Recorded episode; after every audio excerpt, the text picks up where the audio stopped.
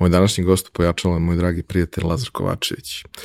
E, Lazar je jedan e, neobičan mladić iz Herceg Novog, čiji razvojni put je dosta zaobilazio školu u jednom periodu rane mladosti, e, a onda kroz veoma težak fakultet ga doveo do toga da se zapravo ipak bavi mislećim poslom. I on je jedan od ljudi koji su odlaskom u Njemačku našli način kako da povežu zapravo ono što vrlo često kod nas nije dovoljno dobro uvezano, a mislim da jedno bez drugog ne može, a to je IT inženjerstvo. Mislim da samo jedan mašinac može da razume šta znači biti inženjer u bilo čemu, a onda i u IT-u. Pričali smo mnogo o njegovom razvojnom putu, ali pričali smo i o lekcijama koje je on naučio i koje je naučio mlade ljude sa kojima je prethodnih deseta godina radio u Nemačkoj, uglavnom studente. O tome je pričao i na Digitalk konferenciji, neke od njegovih nastupa možete naći ako malo potražite, a ova epizoda je za sve one koji razmišljaju o karijeri u IT-u, ali žele da budu ozbiljni ljudi i vide sebe u tome na duže stazi i vide sebe kako prave ozbiljne stvari. Ukoliko samo želite da imate dobru platu, možda je ovo preteško za vas ali kako u marketingu kažu, jedna od ključnih stvari je da ljudima kažete da nešto nije za njih, onda će svi to želati. Hajde da se nadamo da će biti tako. Uživajte. Realizaciju pojačalo za podržali su Epson je vodeći svjetski proizvođač projektora i štampača kako za kućnu, tako i za poslovnu i profesionalnu upotrebu. EcoTank tehnologija donosi značajne uštede za korisnike uz superioran kvalitetu otiska, a količina otpada smanjuje se za preko 90%. Za više informacije o aktualnim modelima i promocijama posjetite epson.rs ili zapratite Epson Srbija na Instagramu. Naš partner je Orion Telekom kompanija koja nudi jako veliki broj usluga iz domena informacijne bezbednosti, zaštite podataka i IT održavanja. Jednom rečju, Orion Telekom je sistem integrator i ukoliko tražite partnera za domen kibernetičke bezbednosti, oni su prava adresa za vas. Ukoliko niste svesni trenutnog nivoa ranjivosti vaše kompanije, ne znate kako da zaštitite infrastrukturu i podatke, kao i kako da otkrijete potencijalne pretnje, vreme je da uradite nešto po tom pitanju. Stručni tim Orion Telekom vam je na raspolaganju za sva pitanja i informacije i pišite im na biz.prodaja.oriontelekom.rs ili pozovite 011 41 00 007. Odnevno sam postao urednik i autor na portalu naše mreže. U pitanju je portal za preduzetnike gdje možete pronaći mnogo zanimljivih i korisnih informacija o svim pitanjima koje muče vlasnike biznisa u Srbiji. Među autorima možete videti mnogi od mojih gostiju iz prethodnih epizoda, pa topla preporuka da posetite mreža.rs. Za slučaj da želite da nas podržite vi individualno, e, možete da posjetite link u opisu podcasta na platformi Buy Me A Coffee i tu možete kupiti mesečnu pretplatu ili jednokratno donirati neki jednost koji želite. Hvala vam unapred na tom. Lepa stvar kad praviš dva podgodišnje konferencije što možda okupiš prijatelj.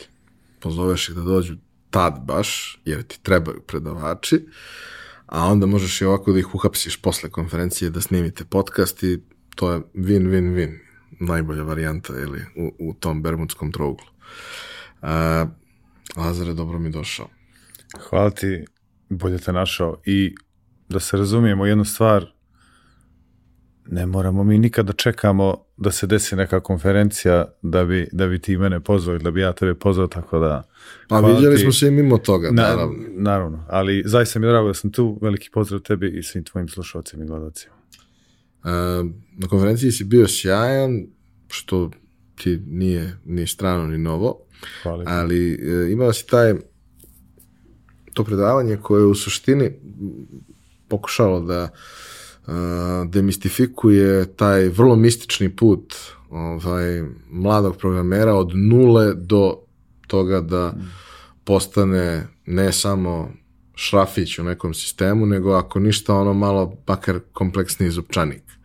Ovaj, I mislim da je, da je bilo sjajno predavanje i do, dosta eh, mladih ljudi koji su bili tamo eh, sam dobio povratne informacije da im je razjasnilo šta se od njih očekuje u kojoj fazi, jer mislim da je to zapravo najveći problem koji nama niko nije objasnio, da nam osvetli šta se to od nas očekuje, pa ni to realno mnogima nije dovoljno, nego mora da im se pokaže i kako i kuda, ali ajde za početak makar da, da znamo šta, pa odatle da idemo dalje. Tako da, ovaj, još jednom veliko hvala za to. Um, trebalo je da se desi u Zrenjaninu, desilo se u Nišu, mislim da je baš dobro što se desilo u Nišu zbog cele ekipe koja je bila tamo i nekako je Niš uvek e, malo više inženjerski od, od mhm. Zrenjanina. E, I siguran sam da, da, neće biti poslednji put e, i da pričaš tamo na tu temu i da mi pričamo na ove teme, jer u suštini ideja je i došla mhm. na jednom ručku gde smo pričali mhm. o svemu ovome ali ajde da krenemo od početka. Prvo, ko si ti i čime se ti baviš? To je vrlo lako objasniti. Ja sam jedan programer, koji, zapravo jedan inženjer koji je zarobljen u tijelu programera. I ja trenutno živim i radim u Njemačkoj eh, sa svojom porodicom, a eh, bavim se prije svega mentorisanjem, ja ću to tako nazvati, a te sfere mentorisanja zadnjih 10-15 godina su u sferi programiranja i IT-a. Dobro, ali nisu, nisu pošle iz toga, to je isto vrlo interesantno. Nisu, nisu, nisu. Ti imaš to pitanje, jel, šta si ti budeš kad si bio mali? Ti, ti, šta si ti, da budeš kad porasteš kad, mančmelo pitanje? Mančmelo pitanje. I sad, onaj, dugo sam razmišljao o tome šta ću ti, šta ću ti govorim. Zašto? Jer bilo je tu, znaš ono, kad si, kad si mali, ima tu puno stvari. A kod mene nije bilo puno stvari, ali sve te stvari koje su bile, su bile vrlo snažne, onako, znaš, kad te onako jako dugo i snažno obuzimaju, da, da, da si ti toliko uvjeren da će to da se desi. A reći ti samo jedno, samo jedno od tih stvari ću ti nabrojati. Oduvijek možda čak i dan danas, sam htio da budem pomorac. Dobro, to ima malo veze i sa, sa lokacijom. Da, ima veze sa mjestom gdje sam odrastao, ima veze sa, sa mentalitetom jel, u kom sam odrastao, ali također ima veze sa time što po mojoj učevini, jel, e, stotinama godina svi muškarci su bili pomorci. Kad su se rađali, znali šta će da budu. I sad ja kao jedan, e, neko ko dolazi iz mješovitog braka, e, jednog brđanina i jedne dame ovaj, iz, iz Boke, e, ja sam primijetio vrlo rano da da sam ja momak iz Boke, da, da taj brđ meni jeste jedan veoma važan element u meni, ali da ja imam sve, da kažemo, osobine jedne osobe odatle. I tu dolazi to sanjarenje, jer to more je more sanja, sanjarenje. I dan danas, jel, ja dan danas znam da ću jedan dan da završim na tom moru, da će to biti ono što, što sam ja htio da budem kad sam bio mali.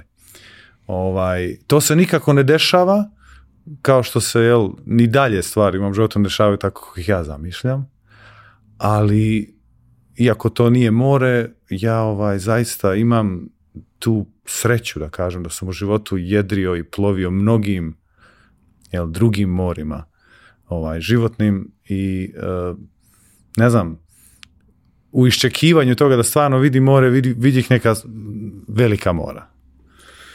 Kaži mi, ovaj, kad si bio klenac, ja znam za, za razne tvoje hobije i pasije i, mm. i u niču si se video sa čovekom koga nisi video da. 15 godina, a koji je bio vezan za jednu od tvojih pasija, motore.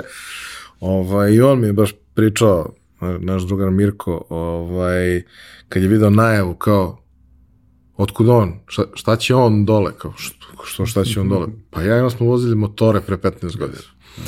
E, pošto Obojice sad imamo blizu 40, to smo malo da se vratimo jedno 35 godina unazad. A, kako si ti ono, ispunjavao svoje vreme i, i, i, i svoje neke i kreativne i društvene i sve one ostale potrebe, jer realno količina opcija koju si imao na raspolaganju mm. nije baš bila kao što je bila nama ovde u Beogradu da možda biraš apsolutno sve što ti padne na pamet. Tako je, tako I ti i ja smo odrasli u jedno isto vrijeme, jel? gdje ono, ta, te generacije koje nisu odrasle s kompjuterima, nego su kompjuteri došli u nekom trenutku kad smo već bili neki, znam, malo ljudi i to. Ali u to vrijeme sam zapravo volio da to, da, da sanjarim, da budem, da budem sam. Da budem sam, jer ok, ti si primoran puno da budeš sam kad živiš u malom gradu, jel? Sve stvari moraš baš onako dobro da organizuješ u jednom većem gradu, gdje kao što si ti odrasti, znači imaš puno komšija, ima, izađeš s kuće, imaš puno djece, imaš puno ljudi, ovdje si mora malo da planiraš. Ja? I onda u tim momentima između isplaniranog moraš da popuniš vrijeme. I to moje sanare, sanjarenje je sada tu ta ključna stvar. Znaš ono, uh, lupam, pojeo sam sladoled iz, iz one kutije, a tamo sam imao neku igračku, sjećam se koja više ne radi, ali tamo je elektromotor, a vamo je baterija od daljinskog upravljača i sad bi ja mogao da napunim u onaj sudoperi malo vode pa da probijem kroz taj, jel, pa od starog helikoptera da uzmem onaj propeler i kao spojim onu bateriju i pomirilo se ono centimetar. I, i da se to pomeri centimetar to, traje nekoliko dana, jel, za nekoga ako ne znam ništa o tome tako bih provodio dane. Jel? E, imao sam taj problem onaj da u školi vrlo rano sam imao tu situaciju da, da primijetim da nisu svi učitelji rođeni baš da budu učitelji. Jel? I vrlo brzo imam, imam taj problem sa ne želim da čitam. Jer možemo da čitamo i moramo da čitamo samo stvari koje nam se daju, jeli, koje imamo oko nas. Nije, bilo, jel, znaš sam vrijeme, kao danas da ti možeš da pročitaš sve što želiš da pročitaš. Danas obožavam čitanje, tada ga nisam podnosio. I onda sam volio da učim od ljudi. Ja sam bio onaj mali, dosadni šegrt uh, wannabe eh, koji zapravo čito vrijeme smeta, jel? I tako bi u tom smetanju kupio neke informacije od eh, raznih nekih majstora, to mi je, to mi je omiljena vrsta ljudi, jel? I to je još jedna od stvari. Ja sam htio da budem majstor nečega. Odvijek sam htio da budem majstor nečega. I onda onaj bih tako eto od, od sladoleda i propelera e, tako stalno sklapao neke stvari. Jel onda kad sam već postao malo stariji, kad sam mogao da izađem sam iz kuće da to bude bezbjedno i to, onda bi se bavio nekim stvarima koje su onako bile prilično nestandardne stvari. Jel? primjer ja sam se bavio, obožavao sam pecanje. Mi kažemo ribanje. Obožavao sam jedrenje. Opet, to sad opet ono, vraćamo se moru, vraćamo se onim stvarima koje da kažemo da su u krvi. Jel? i obožavao sam sve što je proizvedeno od strane ljudske ruke, sve mašine. Ja sam onaj čovjek koji je čitao sva uputstva. Ja sam onaj čovjek koji je bio napredni user svega, ali kad kažemo napredni korisnik, ja stvarno mislim tipa video rekorder znaš ono, svaki dugmić, svaka mala stvarčica, ono, okreneš sa strane, pa ima jedan kao prekidač u slučaju, ne znam, nija čovjek, kad skidaš neki poklovac, pa onda to kao, sve sam znao čemu služi. I jedan od što znaju da isprogramiraju video da snimi kad treba, to bilo je možda pet e, ljudi na znači, svetu koji su znali. To, to je bilo, znaš, nešto što, ali opet, jedna mantra se provlači čitavo vrijeme, ja sad prođem kroz sve to, je li to, upustuje to, ali nekako nemam priliku da ja to... Pro... Znaš, ti kažeš, evo možeš nešto da snimiš, šta da snimim, tati dnevnik, mislim. Ali nisam imao kao šta da snimim. I to je jedna situacija koja mi se provlači često u životu. Ali to je, to je oduvijek bilo tako sa mnom i dan danas. A kakvo je generalno bilo okruženje? U Herceg Novom? Da. U kom sam odrastao? Pa bilo je 90. Jer je, ja sam onaj, završio prvi razred osnovne škole 21 i tako dalje. Jel? Tako da taj, taj dio bio težak, ali mogu ti kažem, pomogne što lijepo vrijeme. Pomogne što, aj, ovaj, pomogne kad je ružno vrijeme. Znaš, što ti možeš da, eto, sa tvojim drugarima ono, nemamo ništa, ali nemamo ništa da radimo, ali uvijek možemo siđemo dolje, pa kao gledamo kako oni valovi lome onu stijenu već stotinama godina, pa već primjećujemo onaj jedan dio koji se novi napravio za vrijeme kako smo mi tu, jel? Ono što smo mogli da radimo je, je bilo sjajno i smo mogli da bavimo, se raznim nekim aktivnostima pri vodi, pri mori i pri planini, jer, jer Boka je ono sudar potpuno različitih stvari, jel, u svakom mogućem smislu, pa i u tom, jel, gdje, gdje imamo orijen i lovčen koji idu direktno u more sa, ne znam, hiljadu metara u nulu i minus. I onda smo imali priliku da, eto, uživamo u prirodi i da uživamo nekim razgovorima, jel, nekim maštanjima. A kako je sport došao u život? Pa, u mom slučaju ono postoji baš ime prezime. Bruce Lee. Tako, ti ćeš me potpuno razumjeti. Ja sam bio, ja sam bio, uh, ono, dijete starih roditelja, znaš, on dugačak, krakat, ali prilično slabašan, fizički prilično slabašan.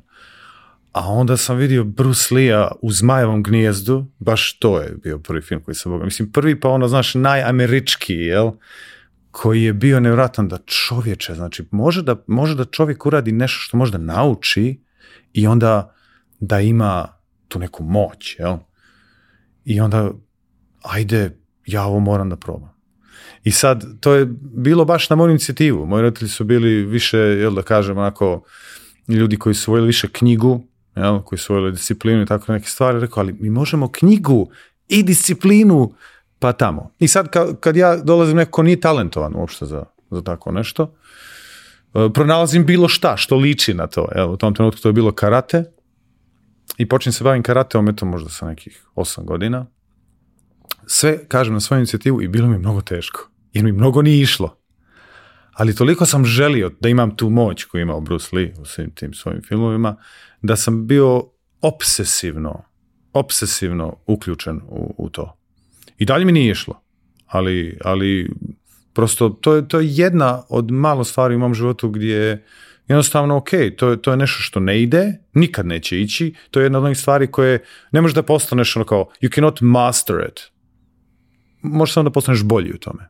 Ali to koliko sam dobijao ja od toga što sam postao bolji, mi je bilo dovoljno. Eh, u smislu, ok, ako je ovo eh, taj rate kojim ja mogu da dobijam nešto iz ovoga čime se bavim, iako je teško, meni je vrijedilo.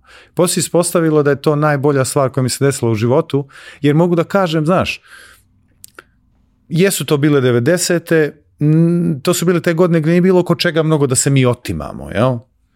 I život nije bio, da kažemo, da kažemo, nije bio toliko težak tada. Još smo mi mali, jel? Život dolazi kasnije, koji, koji je zaista težak. To su te dječje brige bile ali sam vrlo rano shvatio da je vrlo važno da imaš nešto što ti je teško i što mu se vraćaš svaki dan.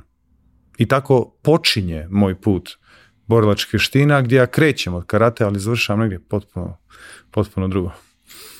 Otprilike u isto vrijeme sam i ja trenirao mm. karate u Beogradu, najviše zbog toga što je bio u mojoj mm. osnovnoj školi, bio je manje više u svakoj osnovnoj školi. To I bilo mi je to okej, okay jer je to bio prvi sport koji sam trenirao, ne računam možda neko plivanje pre toga, gde sam, nisam trenirao, nisam išao da naučim, pa mhm. sam još malo ostao. Ovaj, ali sam vrlo brzo došao do toga da imam jako ozbiljan problem sa karateom iz prostog razloga što ne vidim upotrebnu vrednost u mm. nekoj realnoj situaciji. Mi smo kao išli svi na to sa ciljem da se mm. osposobimo za samoodbranu, mm. ali ja sam bio sposoban za samoodbranu samo ukoliko je on karatista i poštuje pravila. Ni u jednom drugom slučaju ok, bio sam elastičan, mogao mm. sam da podignem nogu izuzetno visoko, mogao sam da uradim špagu, mogao sam svašta nešto, bio sam snažan jako, ali nisam dobio alat po koji sam došao. Čak sam išao na takmičenja i osvajao neke, neke mm. nagrade, ne ništa veliko, ali neke mm. diplomice, neke tako stvari. Ali onda dođe borba i mi se borimo bez kontakta i ta borba nije borba, to nije situacija u kojoj zapravo nešto s tim možeš da i mm. relativno brzo sam, mislim, posle nekih godinu i po dana i ne znam, četiri položena mm. pojasa, iako su kao svi insistirali da imam jako puno talenta, jer ja ponovim tačno šta mi se pokaže ne, ne radi da. ne vidim Tako. čemu to služi. Kako si ti sebi to... Pa, vidiš, to, to je jedna velika istina, sve što si rekao. I e, kasnije jel, se to i dokazalo kroz prve generacije ovih Ultimate Fighting turnira, e, turnira MMA bez pravila, gdje imamo mixed martial arts stvar, gdje su se miješale e, borilačke vještine u pravoj borbi. Međutim, ja sam time što sam eto istrajao, u, opet u malom gradu jedan klub ima. Jel? I to je bilo jedino što je bilo. Međutim, ja sam imao tu sreću da čovjek koji je e, vodio taj klub je bio vrlo ozbiljan i ambiciozan u tome i on je odlučio zbog istih razloga koje ti sada spominješ da nešto promijeni to i dešava se stvar da on otkriva stil karatea koji nije bio klasičan Shotokan, Ryu, Goju, ti koji si, ko, vjerojatno koji, koji si ti u Beogradu, da, Shotokan sportski klasični karate i on otkriva nešto se zove Kyokushin karate. I e, naš pokojni zajednički prijatelj Mirko je e, zapravo počeo da se bavi karatom kada sam ga ja završio i onaj, baš, baš, mi, baš mi ovako sad u ovoj priči koju pričamo nedostaje taj Mirko. Hoću da kažem, taj čovjek koji mene učio karateo je prešao na Kyokushin opet nekom čudnom slučajnošću. Uh, tri čovjeka iz Europe su poslata na prvi Kyokushin turnir u Japan. Kyokushin, eh, svjetsko Kyokushin Kai karate prvenstvo se država jednom u pet godina, to je olimpijada Kyokushina i na prvo svjetsko prvenstvo postao su tri čovjeka sa, Balkana, ali ja mislim da su oni bili zapravo među jedinima iz Europe, da, da, bi bilo ih njih tri, možda još neko, na to prvo. Ja ne znam ko je njih trenirao, ali ja pretpostavljam, ne znam se tačno, pa pretpostavljam da su oni nekako svojevoljno, nakon svoje karijere u sportskom karate, odlučili se na taj iskorak da probaju kako izgleda ta borba. Da li će njihov karate biti dovoljno dobar tu? I ti ljudi su donijeli Kyokushin karate na Balkan. Dvojica su u Beogradu, da, danas rade, ja vjerujem. A jedan je e, došao u Herceg Novi i potiče iz Herceg Novi. Vratio se u Herceg Novi i on je bio taj neko ko je bio uticaj na mog trenera da pređe u taj stil. I od tog, neko kažemo, poslije prvih nekoliko godina sportskog a mi zapravo treniramo, prelazimo potpuno, mijenjamo gard, znaš sam kako stojimo, to se mijenjamo Kyokushin. E sa Kyokushinom čovjek vrlo, vrlo brzo shvati šta znači puni kontakt, šta znači pravo nasilje. Tad stvarno vidiš kako izgleda kad boli. I, i, i kako će da boli ako, ako stvarno dođe do neke situacije, ono što kažemo na ulici. I to je sad nešto što, da kažem, eto, to je jedna čista sreća da se to meni dogodilo. Ujedno i nesreća je za neko kao ja što, za razliku od tebe, nisam bio dovoljno snažan za svoju kilažu, za svoju visinu, za to nisam bio dovoljno elastičan, nisam bio dovoljno fleksibilan. Mi je bilo mnogo teško. E, ali to, opet kažem, što je bilo teško, to mi je puno i pomoglo. Da ostanem tu, da nastavim dalje i naravno, ja nisam nikada u životu bio obsinut bilo kakvom vrstom takmičenja. Ja sam bio opsinut znanjem. I sad ono, u karateu jel, imamo taj moment kad imamo e, vrlo, vrlo dva puta. Jedan je put takmičara, put uspješnog borca, a jedan je put majstora. E taj put je, opet vraćamo se na riječ majstor, taj put je mene fascinirao. I ja sam onda prihvatao to da da ja neću moći da imam neku svoju specijalku koja će moći da napravi neke rezultate na nekakvom takmičenju, ne znam jer to mi nije bilo bitno. Ali mi je bilo bitno da, aha, ova nova tehnika koja dolazi za sljedeći pojas, ova stvar koja je bila na ovom seminaru i tako to. Tako da taj karate je opet nešto što je mene mučilo mnogo, mnogo me naučilo, ali je nešto što sam ja u jednom trenutku morao da ostavim za sebe. Šta se dešavalo u paraleli sa svim tim sa školom? Pa, e sad, ovo je baš dobra riječ koju si iskoristio, paralela, jer ovo je nešto, kako izgleda kad nešto mene zanima? To ovako izgleda, obsesija, jel? Svi resursi su dobrošli, makar i knjiga, jel? Makar i udžbenik. A u školi to nije bilo tako. U školi, jel, čim, čim sam prišao blizu puberteta, to je već, već eh, problem sa autoritetima, jel, i to ja mogu da kažem da moja škola je prošla onako nekako sporedno. Kao jedna potpuno sporedna stvar u mom životu. U smislu, nisam e, na puno mjesta i u puno situaciju u školi zaista vidio da mogu nešto da naučim, što je meni, kao što ti kažeš, ono za karate zaista primjenljivo. Sve to meni zvučalo nekako, hm. I opet mogu da kažem, znači imao sam tu, ok, nesreću da, da je većina učitelja koje sam imao nije, nije voljela to što radi par njih jeste. Naravno, tu sam zaista uživao učeći od tih ljudi. Ali ono, osnovna škola je prošla, eto, prošla je. E, gimnazija je prošla tako što ono, upisao sam gimnaziju zbog ih roditelja, jel, to, ja sam ti upišem srednju pomorsku školu, jel tako? To je, to, to je jasna stvar. Međutim, jel, M. Ujčevina govori, to je, mali, to je vrlo težak posao, jedno za ga džabe, jel, hleb sa devet kora i to. Pusti, ajde ti, ok, ako stvarno je to nešto što gori u tebi, nije nikakav problem. Završi gimnaziju, onda ćemo razgovaramo jer postoji jel, fakultet za to, pa, će, pa ćemo da vidimo tada. I sad ja kroz gimnaziju bukvalno prošetam sa, sa onako e, vrlo zanimljivim rezultatom. E, prijavljujem se na fakultet i ima ona lista pri primjernog ispita sa, sa onim bodovima iz škole.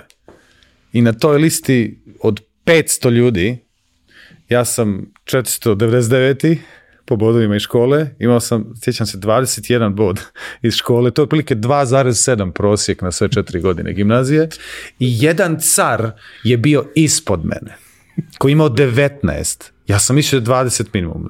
I sad, i sad ta, tako izgleda u paraleli nešto što ovaj, ja zaista žalim za tim djelom. Ja mislim da sam morao to mnogo, mnogo bolje da iskoristim. Pa okej, okay, nema veze kao kaže Čika Jova Zmaj, ono što je dobro valja naučiti malo od koga. Nisam to uradio i to je jedna od onih stvari za vam želim. A ti ljudi koji su volali to što rade, ko su oni bili? Čime su se oni bavili od predmeta? Pa, sad, interesantno kako znaš dobro da postaviš pitanje. Moj profesor srpskog jezika i književnosti u, u gimnaziji je bio sjajan ali on je bio sjajan zato što je on znao kako treba sa mnom da radi. To je čovjek koji je znao da ja nisam pročitao ni jednu lektiru. Čak je znao da nisam pročitao ni jedne interpretacije. Ali je znao da nađe način da me zainteresuje, da odem da pitam nekog ko je pročitao, da mi ispriča priču koja se desila u toj knjizi, da bismo on i ja onda razgovarali za ocjenu kako sam ja doživio to što sam čuo, ne pročitao. A inače, moji talenti vezani za jezik ne postoje. I sad ja ti govorim da čovjek koji je jel, imao recimo jedan od najvećih utjecaja u mom životu u toj sferi je čovjek koji mi je predavao nešto što ja potpuno nemam talenat za, jel? neću se baviti nikada time, ali me naučio pedagogiji. Nečemu zašto sam shvatio da ipak imam neku strast kasnije, jel? ne u tom trenutku još. A kad si razmišljao o, o, faksu, mm. ovaj, bez obzira na ne baš sjajne ocene, jeli, uvek je bilo mnogo bitnije šta da uradiš na prijemnom. Da. Znači, bez obzira na to bilo, a do duše, ono, u Beogradu uvek bio taj moment da deca iz boljih gimnazija koje idu na mm. fakultete uglavnom nose gomilu bodova, mm. ali isto tako i uglavnom užasno urade prijemni, pa se to nekako izniveliše. Tako Deca koje dolaze iz drugih mesta, ponesu nekad možda manje bodova, ali su prilično posvećeni tome da ako već dolaze tu pripreme taj prijemnik kako valja i onda bude borba za taj i budžet i upis i sve to. A pošto tebe to nije radilo, kako si ti uopšte razmišljao o fakultetu, šta si razmišljao, kako si se spremao? Tu sam imao vrlo onako nekako dinamičnih jedno dvije godine. Jer ja želim da budem pomorac. Ali niko u mojoj porici ne želi da ja budem pomorac, jel? Zbog mene, jel? Ja, ja razumijem, to je ljubav. I sad tu sad pronalazimo, jel, ajde mali da vidimo šta ti bi mogao, jel, pošto očigledno ne možeš puno, jel, da vidimo, da vidimo šta ćeš moći. I onda su tu bilo one priče, pojavljuju se oni prvi privatni menadžment. Mislim da je to onako za tebe vrlo, vrlo prikladno i to onaj, e, sklonost ka matematici generalno i ka takvom tipu rješavanja problema, matematika, fizika, prirodne nauke, jel? Prirodne nauke su bile, znaš, ono, tu za dvojku ne radim ništa, jer samo čujem šta mi neko govori i sviđa mi se da razmišljam u tim sferama, to je ok. A za ostale dvojke sam morao da radim. Jel? Ovdje baš nisam morao ništa da radim. I onda neko smo razmišljali, dobro, ali mislim sad da idemo na neki fakultet koji podrazumijeva puno matematike i prirodnih nauka, mislim, tu, tu sine radne navike i sve te stvari koje ti nemaš, jel? Mireći školu, šta ćemo da radimo? I tu je moj otac odigrao jednu ključnu ulogu u, mom životu gdje on onako u pozadini, bez mene, intenzivno razmišljao o tome. Ne o tome da nađe nešto što je nekako generalno dobra stvar, nego nađe nešto što, što, gdje ću ja zapravo možda pronaći neku strast. Jel? I sad kako to već i u Crnoj Gori, tu se zovu odma rođaci, čekaj, čeka imamo sigurno neko ko je završio, da, a ovo je građevinu, dođi da objasniš malo šta je građevina, dođi da objasniš. E, međutim, moj otac je tu ono, imali smo momena, taj majka mi je pravnik uh, i ona je mislila ti treba nešto društveno, lajav si, glasan i to, jel, kako to već ide sa, sa bokelji i to. Ajde, ajde da vidimo možda pravo, ona je završila pravo, pa kao, ali ja razmišljam, mislim, ja ne mogu pjesmicu na pamet da naučim, kako ću ja da naučim rimsko pravo, jel? Dobro, to, u tom trenutku taj management privatni zvuči kao vrlo primamljiva stvar.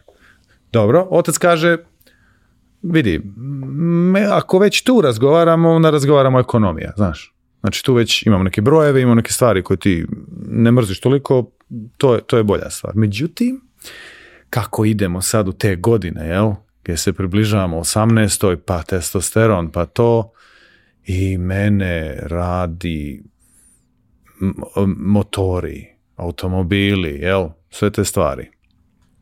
Uporedo s time i računari, jer opet tu se pojavljuju računari, imamo, e, sticam konci tih nekih godina, moja, moja familija ima jednu malu štampariju, pa onda treba se napraviti priprema za štampu, pa se, pa onda Pentium, ona jedinica dvojka, pa pa Quark Express, sjećam se, pa onda Corel, pa mislim ti sad, jel, znaš svoj program, malo ko ljudi se sjeća ovoga uopšte, jel? Tek poslije smo pričali, aha, Photoshop i to je standard Adobe i to, jel?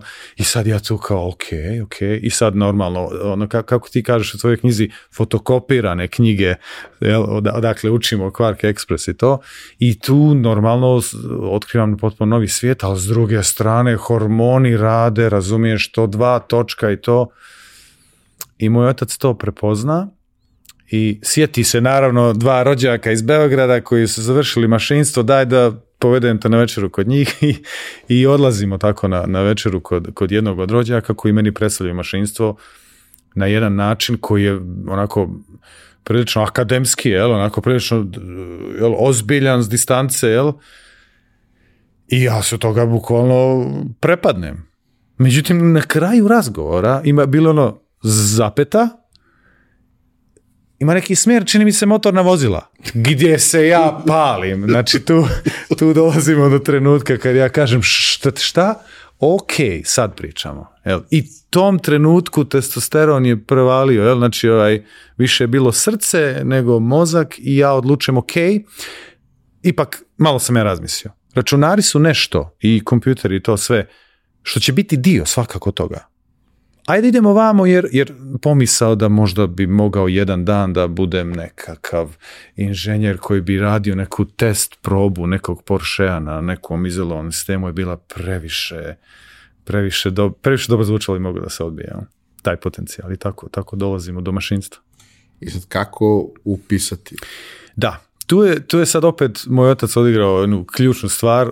On je onaj mene i mog e, e, cimera tada, mog najboljeg prijatelja s tog vremena, odrasli smo zajedno u školi, u klupi sve mi smo obojitski ljubšao mašinstvo. Njegov otac je ovaj, bio u našem gradu stručnjak e, kao osoba koja se bavila frigomehanikom, klima, raslani uređaj, termotehnikom u suštini. I opet, jel, on kao neko od doli stavke porodice, njega se očekivalo da nastavi tu tradiciju, on odlučio da, da upiše mašinstvo i termotehniku, inače najteži smjena mašinstvo svaka čast, jel, i naravno on kao mali je isto se igrao tuda i odrastao je sa tim i njemu je opet to bila strast, tako da opet i on je bio u fazonu, vidi, ja to hoću, ja hoću ja i idemo zajedno. I moj otac je nama pripremio sve to dotle da nam je on ponio prijav, nismo znali gdje je fakultet, I e, dolazimo sad do tog prijemna o kojem, ti, o kojem ti pričaš. E sad imamo tu jednu situaciju da to je ono već vrijeme, znaš, mašinski fakultet ima kapacitet za hiljadu studenata a upiše ih 500. Mhm. Plafon.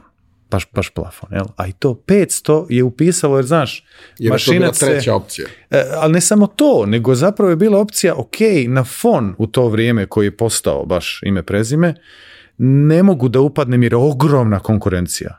Ali na mašinu ću da upadnem, kapiram, sigurno i on ću se prebacim. Jel, položit ću matematiku i ne znam, možda neku mehaniku ili nešto što eto mogu da prenesem tamo i samo ću drugu godinu nastavim na fonu. To, to je bila ideja mnogih, jel? Čak i za elektrotehniku koju je bilo jako teško opisati. Mašinstvo je jedini razlog, ne znam da li je ovo poznata stvar, vjerojatno jeste, a meni i dalje fascinantno. zašto mašinski fakultet nije ekonomski, na primjer, ta zgrada je ogromna s ogromnim kapacitetima, je, znači što dolje ispod u našim podrumima, aerotunel i ne znam nija šta se, mi to ne može se izmisti, ne, šta da radimo s tim. I onda je to jedini razlog što ono, onolika velika zgrada, jel, s tim kapacitetom i, dalje ne obslužuje, ni, ni, ni popunjena trećinu. I sad dolazimo od toga da mašinac neće biti problem upisati i na sve to, na prijemnom ispitu je samo jedan predmet, matematika na tehnici je bilo matematike i fizika, čini mi se na građevini isto. Znači, ovdje je kao, ok, ovo je čak olakšavajuća okolnost. Znači, treba samo matematika. A uh, ajmo sad, ajmo sad, jer, jer opet 21 bod. ne, šta, šta ćemo sad? E, koliko se ja sjećam, u naše to vrijeme je bilo, 40 bodova je bio maksimum, ja mislim, ko neko mogao da dobije srednje škole, a ukupno je 100 bodova. Znači, 60 bodova je taj ispit. Znači, imamo mi prostora za igru ovdje baš dobro, jel? Iako ne znamo, ali prostora imamo. I dolazimo u tu situaciju da, ok, sad ću ja da uradim opet šta bi lijen čovjek uradio, ja ću da uzmem za maturu matematiku. E sad dolazimo do, do scene gdje e, pokojni profesor Špiro Pejović, stara garda autoritet, muva se ne čuje svi smo mi tinejdžeri, svi smo mi opasni, to muva se neče, takav autoritet profesora. Obožavao sam ga. Bio je stručnjak, bio je žestok, pravila, sjajan je bio. Opet, nisam se mnogo trudio oko toga jer sam znao što treba da uradim da zadovoljim to što je trebalo za dvojku. Međutim, on postavlja pitanje ko od vas će uzeti matematiku za maturski ispit, neka ustane 3-4 sad ustaje 12 ljudi i 13 prase. Taj čovjek, ja ga nisam nikad vidio što se nasmio, tada se smio minut. Minut se smio i rekao je Kovačeviću, šedi. Šedi, znači ne šalimo se, stvarno, vic je odličan. Ja kažem, profesor, ja sam stvarno ozbiljan, ja hoću. Jel tako? Dobro. E sad je onda odna odma prelazim u zonu zbilje, pa do, pao mrak, učionicu i to, ok. I sad ovaj, nalazimo, uh, uh, moji ja, hoćemo se zajedno ispremamo, da iskoristimo i to, nalazimo naravno onaj, privatne časove jednog e, bivšeg e, građevinskog inženjera, koji će nas pripremiti, imamo knjižicu, smo dobili, koji će biti otprilike zadaci, ajde da krenemo.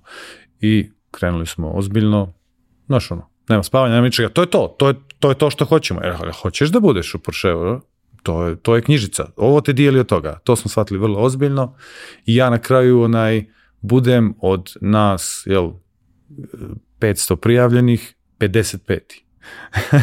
Tako da ovaj priču sam dobro prošao i e, moj otac je tada spremio e, školarinu za jednu godinu, e, jer niko nije vjerovao da će ovo da se dogodi, da će ja da upadnem na budžet, jel?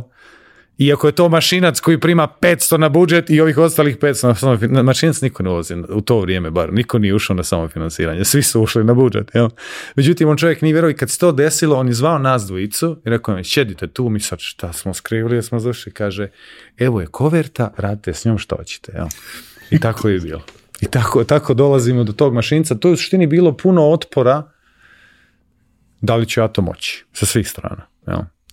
A on je, jer opet kad dolaziš iz malog mjesta, kad si odrastao na Balkanu generalno, očekuje se od tebe da se, ne, nema da se nešto, da se padne godina. To je sramota, zauvijek će ti ljudi, evo ga onaj mali što je pao godinu. Jel? Ti se sjećaš onda kad je pao. A znaš kad, e, on ti od tad ti to nije baš najbolje. E, uglavnom, e, moj, moj otac je imao viziju. Ne, ne, ne, ne, ne, baš me briga. Ovo ćeš ti da probaš. I tako i bi ja uvijek u, u to nekoj polu šali, ali uvek polu šala, eh, volim da kažem, postoje ti pravi inženjeri, a postoje i ovi ostali. Ovaj, I ono, mašinci su uvek pravi onaj primer šta je to pravi inženjer. On pravi nešto Rđevi. fizički, znači nekakav objekat koji se kreće, hidraulika, pneumatika, eh. motori, svašta nešto. Sve te teške stvari. Ovaj, dok ono, softveraši mogu se igraju i nisu bitni ni resursi ni ništa. Sad posebno nije bitno ništa jer kao svega ima u izobilju. I, ok, nisam studirao mašinstvo, ali to je negdje bila kao projektovana da trajektorija svih nas sa robotike. Tako. Ovaj, zamrzali smo dosta nekih predmeta, pa nikad nismo upisali, velika većina nije upisala mašinstvo. Ali mašinstvo je meni bilo uvek beskrajno interesantno zato što je ono e, jedan od redkih fakulteta koji opisuje gotovo sve predmete i mašine sa kojima mi dolazimo u kontakt. Ok, sad, sad sve više je elektronika ili Tako. tehnika ta koja Tako. opisuje, ali pre 30 godina Tako. uglavnom su to bile stvari koje su negde projektovali neki mašinci i bilo je važno da razumeš i ne znam, mašinske materijale i sve ostalo, zato što treba da ih razumeš, jer si u kontaktu sa njima. Lepo je kad razumeš te stvari. A, uz mašinstvo je fizika prvi put u mom slučaju počela da ima nekakav smisao, da nečemu služi, da ne pričamo o nečemu abstraktnom, nego pričamo o nečemu što je meni pojmljivo jer je iskustveno moguće doživeti ga. I zato mi je ono toliko lepo. Sa druge strane, još ono iz vremena naših roditelja, pa i do danas, važi za težak fakultet. Da. I prilično old school fakultet u smislu tog nekog inženjerskog znanja koje, ja se sećam sad koliko je to istina, ali ja se sećam da je u podrumu Mašinca mm. postojao strug koji su mm. proizvođači otkupili da bi ga stavili u mm. muzej, jer je bio jedini u ispravnom stanju, a star, ne znam, 120 godina. Doneli nov, novo postrojenje celo, ali kao... Ali ti kad nekom kao kreneš, pa to je strašno, pa to, pa pa nije, struk se nije promenio 120 godina u suštini. U su se neke stvari da ti sad kupiš onaj stoni jebiga da se igraš u, radionici, a praviš šahovske figure, ali u suštini taj osnovni set mašina koje se koriste i, način na koji se koriste i materijala se nije nešto drastično menjao. I dalje iste stvari sačinjavaju sve oko nas sa još par nekih polimera i nekih tako materijala. I ono malo automatizacije tu i tamo i to je to. kako je tebi bilo na mašincu? Koliko ti je to sve bilo interesantno, relevantno? Kakvi su bili mm. profesori? Kako mm. Kakvo je bilo gradivo? Koliko ti je bilo teško? Mnogo.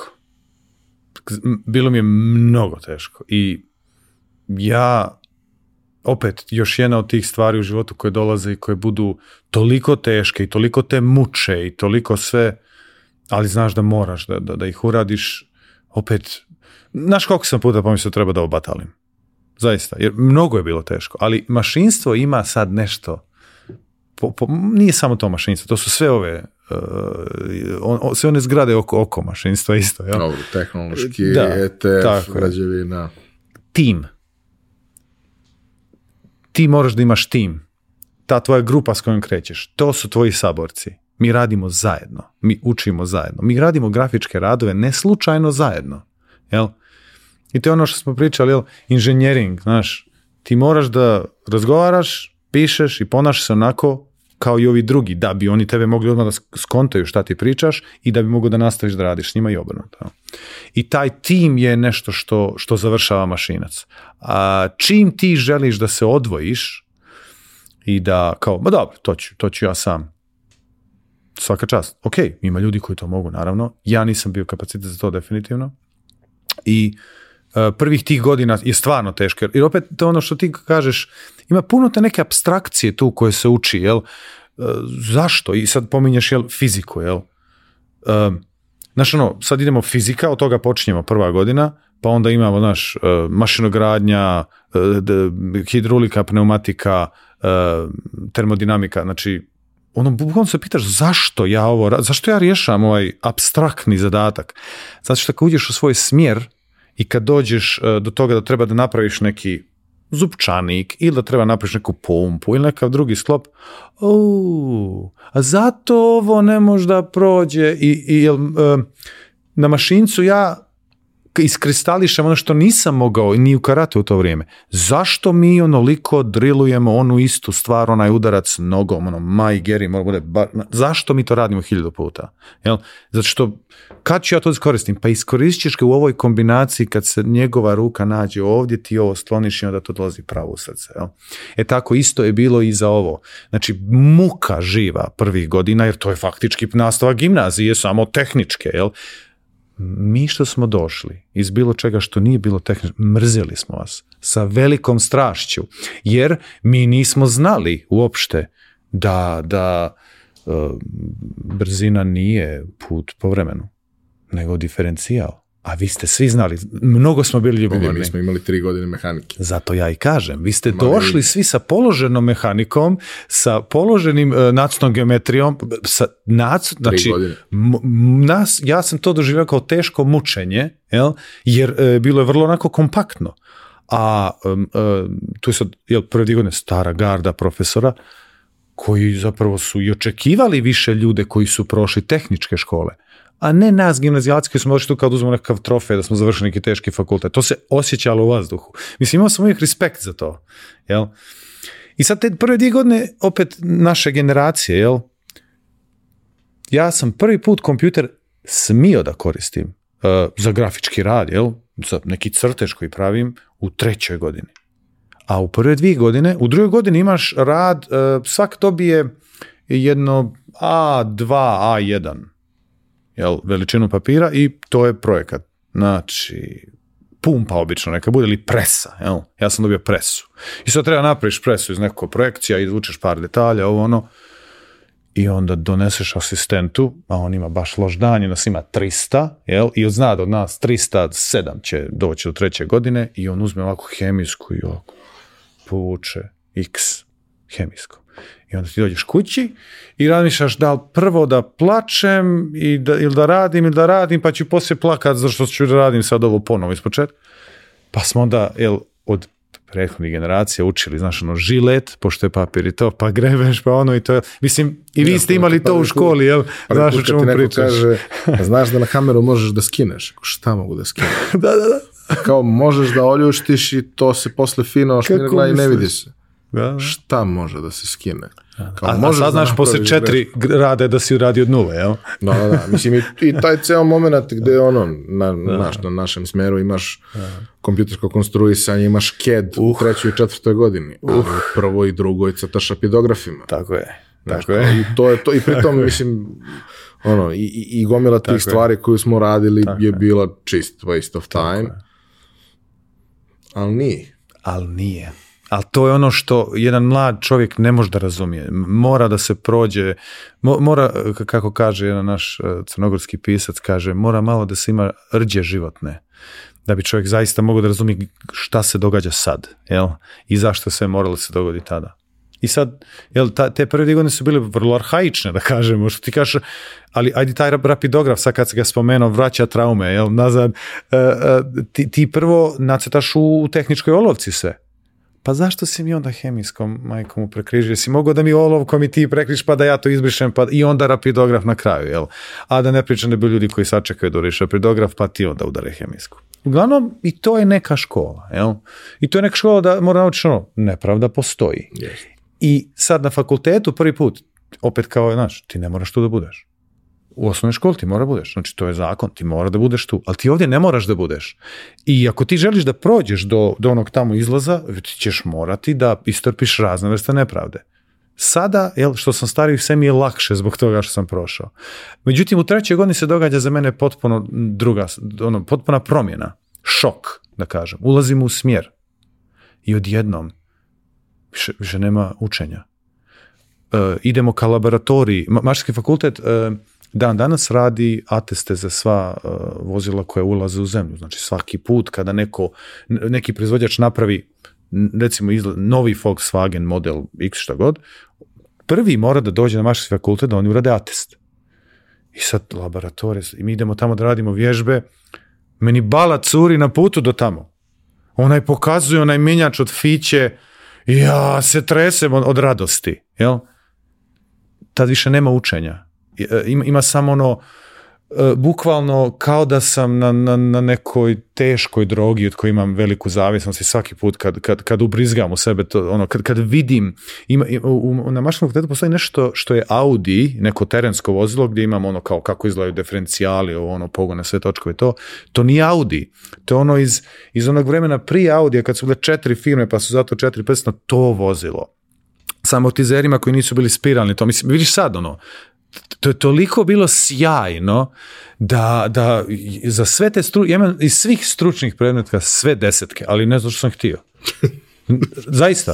A, a fizika je zadnji ispit koji sam položio.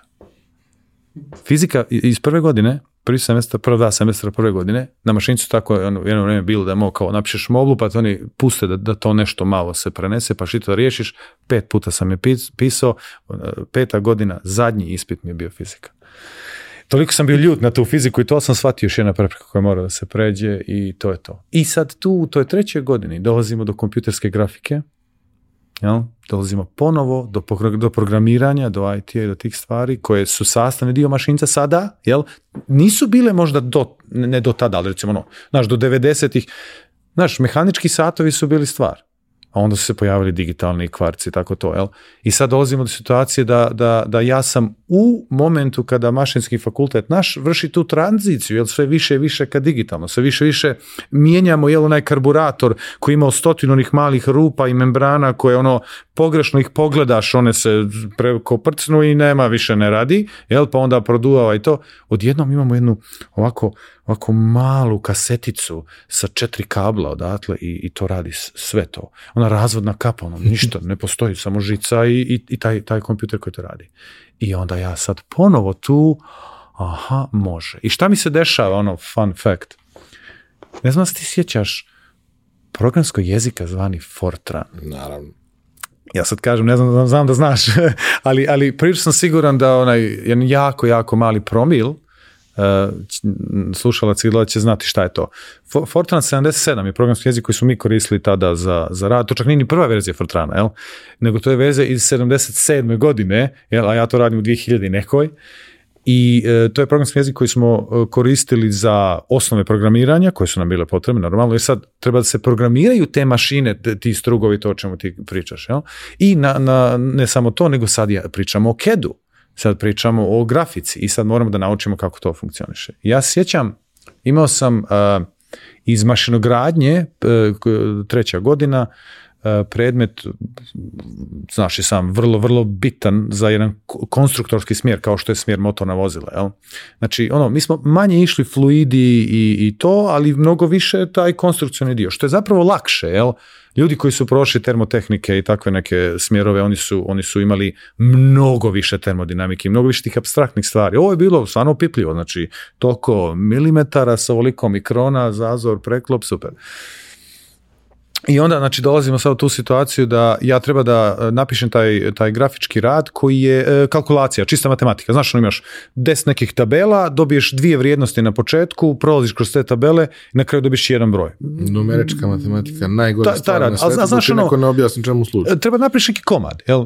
to ti je zadatak. I sad taj, taj neki rezervni dio treba da ga nekako, taj konkretno zadatak je bio dobiješ ono tipa šipku i sad treba, e, oćemo strug, oćemo glodali suđećemo, šta ćemo, kojim sve procesima ćemo da dođemo do tog rezultata. E sad, prateći dio toga je ta matematika koja tu stoji, koliko tu nešto treba šta da se uradi. Ok, ja sad gledam to i to ovako izgleda. Tri nedelje, otprilike, tri sedmice, treba da ti to odradiš, da, da uzmeš ta dobro od profesora ili to, je, to je ono, toliko matematike tu da ti ispišeš kako si došao do tog jednog broja na kraju i to otprilike treba dvije do tri nedelje to da uradiš i onda doneseš tamo i ovaj kaže nemoguće.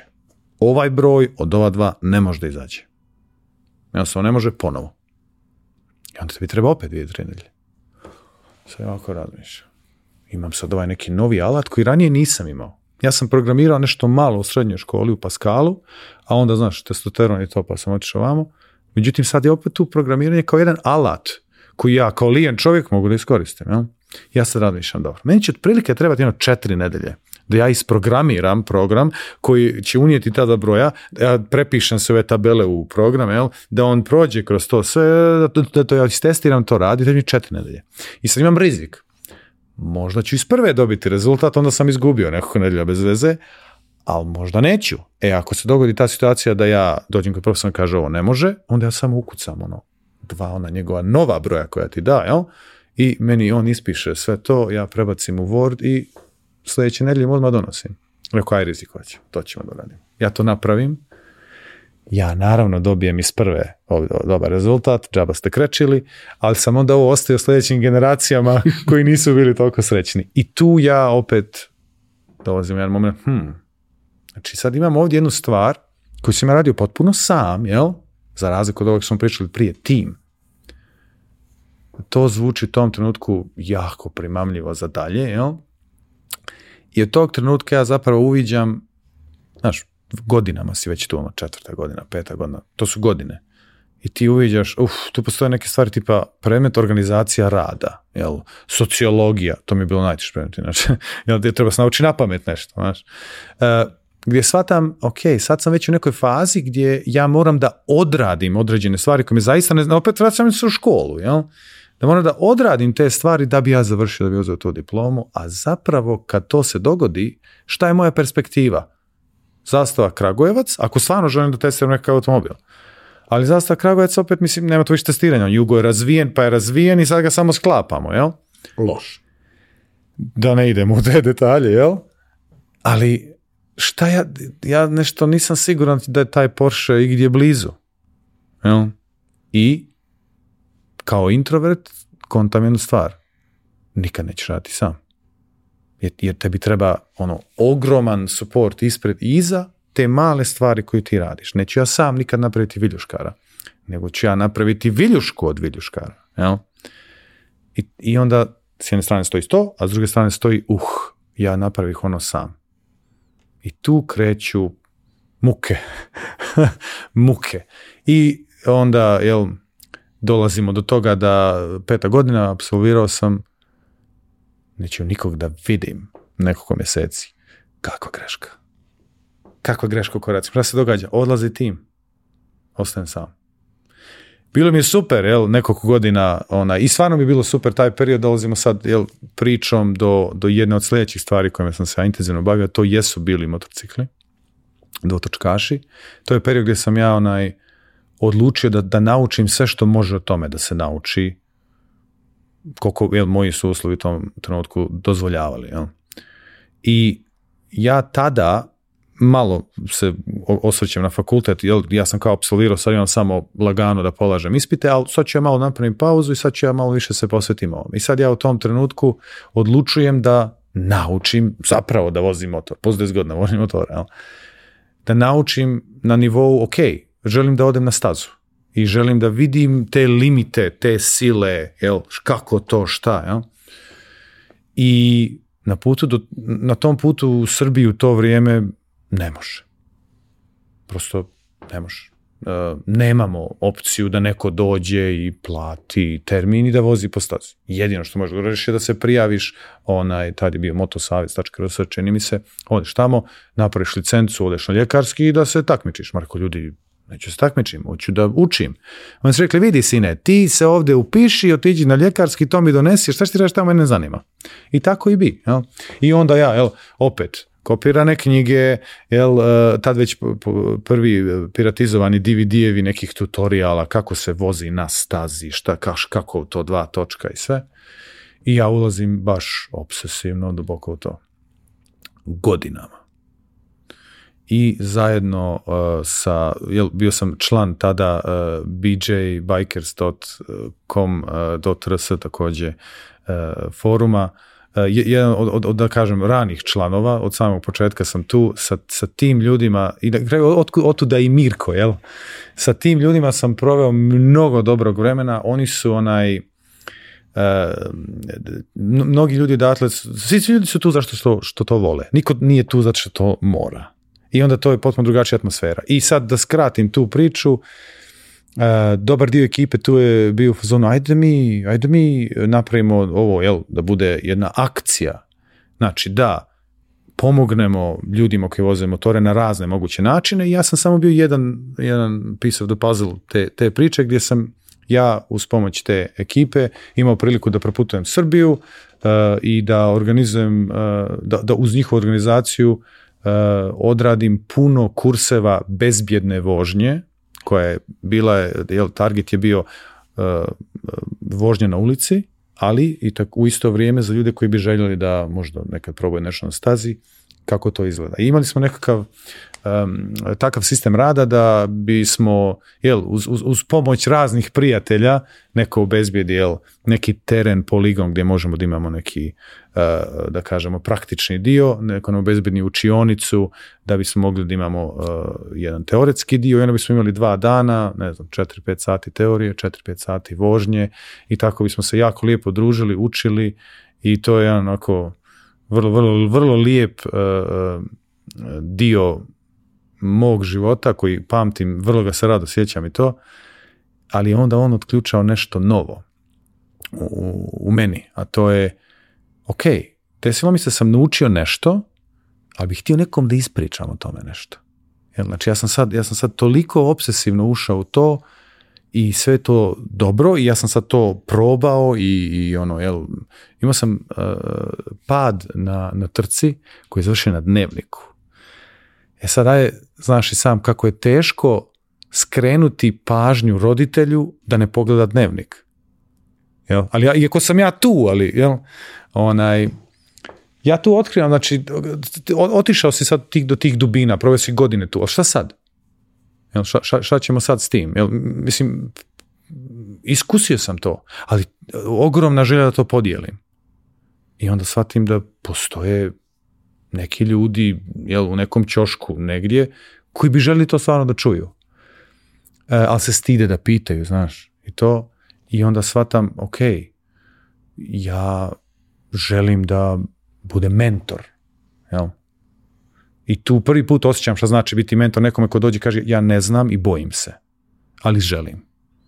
I da ja mogu da u toj situaciji toj osobi pomognem da, da prebrodi prvo strah, jasno jel, e, jednim sistematskim disciplinom, jel, načinom kako, kako da dođemo dotle, lagano i da onda ta osoba može da, da, da prvo to iskusi, što mi svi želimo da iskusimo, i onda poslije da također, takođe kaže, ali vidi, mnogo mi je značilo ovo što sam, ja sam mislio da ovo nikad neću moći.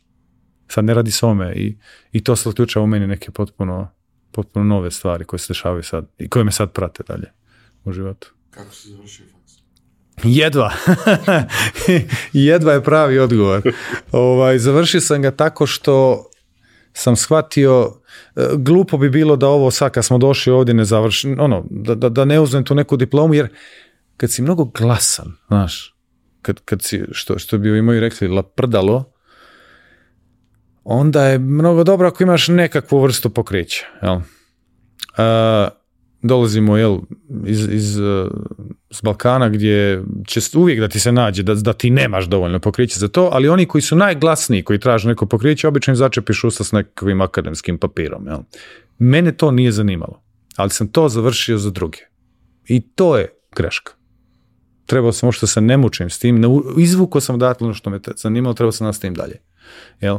I jel, studirao sam devet godina, uh, i to devet godina samo zato što sam e, mom profesoru e, Vasiću, jel, e, koji, koji je bio profesor na mom diplomskom, ja sam ga zamolio profesora koji kako možemo da odradimo ovo u ovoj godini, jer pred kraj godine sam tražio termin za diplomski, da ne uđem u sljedeće, ne bude deset.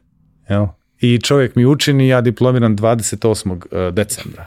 Tako da sam studirao devet zvanično, ja se izvinjam. Jedva. Ok, i sve ovo su sad neke stvari koje su tebe zanimale, kojima si se bavio, ali nema baš nešto mnogo posla tu. Nema tu nikakvog posla. I sad dolazimo do toga da, jel, u to vrijeme još mi nije bio tast, ali sad mi je tast. Čovjek me pita potpuno legitimno pitanje. Kaže, slušaj mali, jel možeš ti da zaradiš 100 eura? Potpuno je čovjek bio u pravu, jel? jer to je sad sve bilo trošenje jel, e, roditeljskih resursa na ono što je meni bilo realno zabava. Jel? Znači, moj, sur, moj, moj otac je umro kad sam ja bio druga godina fakulteta e, i on je učinio najvažniju, najvažniju stvar tu, da ja tu dođem i ostanem. A majka je bila tu da ja to završim. Jel? I sad, znaš, kad sam, kad sam završio, ja shvatam, ok, nema više igre, sad, znači sad moram, e, sve to što je uloženo u mene, ja sad to moram da, da nekako vratim. E, tu dolazimo do onoga, jel, s početka priče problemi sa autoritetima i to, e, višak ideja, jel, e, vječiti i pre, pre, pre, previše energije, previše ti mali talasaš. Mi smo ovdje da nešto prebacujemo s ove strane na ovu i to je naš biznis. Možeš i molim te da prebacuješ sve svoje, da ne I tu dolazim u situaciju, znači, tražimo posao, pa radimo posao, pa to. I ništa, ja se zapošljavam e, kao mašinski inženjer. Radio sam svašta, bio sam inženjer na gradilištu. Jel? I, i, tu, I tu sam bio. I sad u to vrijeme uh, bilo mi mnogo teško.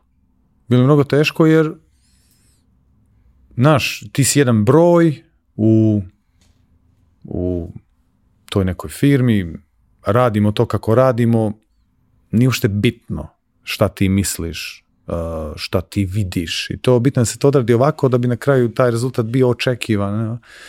I jako je teško sad naći kao mašinac u, na Balkanu gdje industrija nam je u to vrijeme stvarno bila na jako niskom nivou. Bilo je teško naći mjesto gdje ti možeš da dođeš, da će neko stvarno kaže vidi, ne, ono, lupam, nemamo dovoljno ljudi ili nemamo dovoljno resursa, moramo da mislimo još uvijek je bilo samo treba neko da radi, ne treba da misliš. Boljilo me to. I zbog tog bola opet, ja se vraćam na ono što mi se desilo sa onim Fortranom 77. I vraćam se na to, pa dobro, ali ja mogu da zaradim 100 eura tako što ću ja da uzmem da radim nešto volim, e, da programiram i da napravim nekakav sajt i neko će me platiti za taj sajt i ne treba mi ni tim, ni firma, ni niko, ni ništa. I sad ja tu počinjem ono, jel, kako to već ide sa WordPressom i sa tim stvarima i, i zarazim se zauvijek za to. Pogreši čovjek. Pogreši čovjek mnogo puta više. E, tvoj background koji si dobio fakultetom i svim tim stvarima koje si naučio, koje ti možda ne trebaju, ali nije loše što ih znaš. Mm. Ja stalno to ponavljam kao, mm. jel mi trebalo to što sam učio? Pa nije mi trebalo, ali jebi ga nekad mm. ume da bude korisno. Mm. Najčudnijim situacijama ume da mm. bude korisno. Jer možda ne umeš da izračunaš više, nemaš formu, ali kad pogledaš kažeš, ne može ovo da drži ono. I imaš ono neki educated guess zašto si to rekao. Ovaj, to je onako mnogo dobra polazna osnova, ali tu postoji jedan vrlo realan problem, a to je ti si u tom trenutku odrastao čovek, a time se igraju deca. Da. Koje imaju 10, 12, 15 godina manje od tebe. Tako je. I kojima je to na neki način prirodno okruženje i oni nemaju ni tu ni taj e, fundus resursa koje si ti pokupio ali nemaju ni opterećenje tih mm. resursa. Oni ne znaju da to treba ovako pa ga naprave i to u principu radi. A ti znaš da ne treba da se radi tako pa ne možeš ni da ga napraviš, da ga skarabuđiš jer znaš da će da bude problem. Kako si ti sada po prvi put e, u životu zapravo potpuno samostalno učio nešto gde i tada, tek danas, resursa zapravo ima u izobilju. Hmm. Što zvuči divno, ali ujedno i problem. To je ima previše. Da. I sad, i tada i sada, krenut ću od kraja, i tada i sada čovjek je potreban mentor. Tada sam ja, prije što sam imao stvarno sreću da imam svog mentora, prije što sam znači, došao do mentora, prvo sam imao tu o, e, tvrdoglavost, jel, konjoglavost, da, da ja to mogu i da ja to hoću. I po svaku cijenu to hoću. I sad, po svaku cijenu to znači ja radim od 7 do 7 na gradilištu, jel, dođem, ono, prljav od kamiona, od ovoga, od onoga i ne, ne, ja ću sad da, da ja to hoću. U tom u tom trenutku to što ja hoću bude primjećeno od strane familije, prijatelja i tako to, jel? Budala, budala, vidi, glupira sebe, posti sebe radi kojim inženjerima na kafu Međutim, ovaj moj dragi prijatelj, tada mentor, danas dalje prijatelj, mentor, jel? mentor jedno, mentor uvijek kaže, ti se ložiš na iste stvari na koje se ja ložim pa ja mogu ti pokažem nešto ako hoćeš. I tako krene, jel? E, jedna, jedna stvar je vodila drugo i događa se jel, sljedeća katastrofa. Jel? U svakom slučaju ja sam imao luksuz da imam mentora, a u isto vrijeme sam imao e, sreću da u to vrijeme je postojao, postoji dan danas, ali u to vrijeme je bilo, da kažem, to aktivno, jedna web stranica koja se zvala uh, ftw.rs. Uh,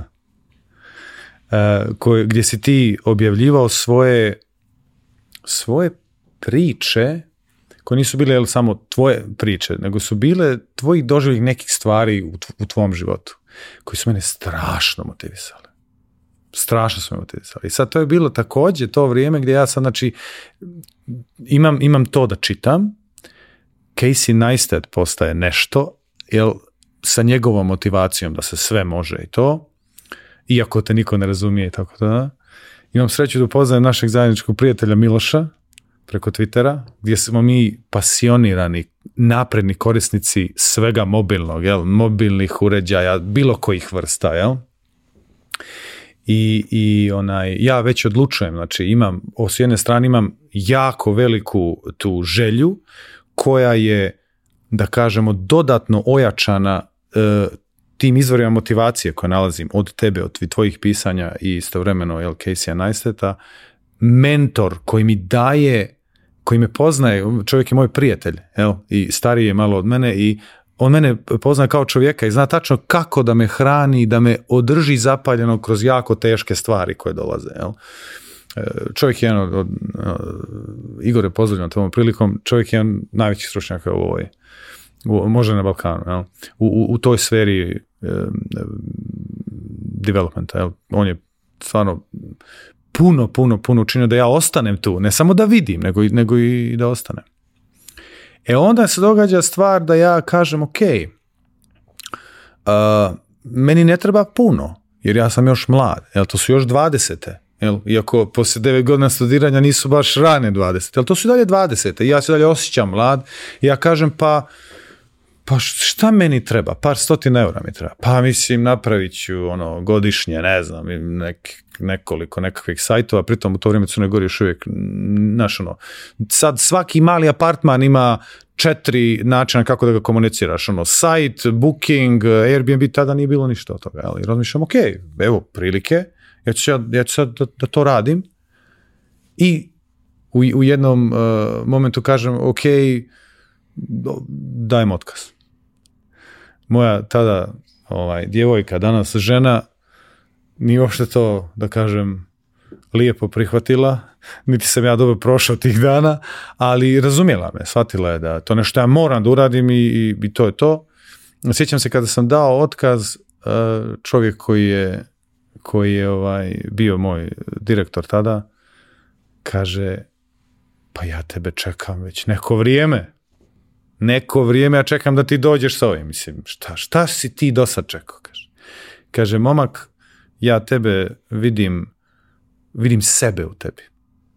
I ja ću ti biti prvi klijent šta god da radiš. Uopšte ne znam, ne, znam šta ali ja sam ti prvi klijent. I, i to mi je puno pomoglo. nakon jedan, to je bio ono dvočasovni ono, očinski razgovor. Znaš, kako bi ti otac držao govor, tako mi je taj čovjek držao govor i to mi da još dodatno vjetar u leđa.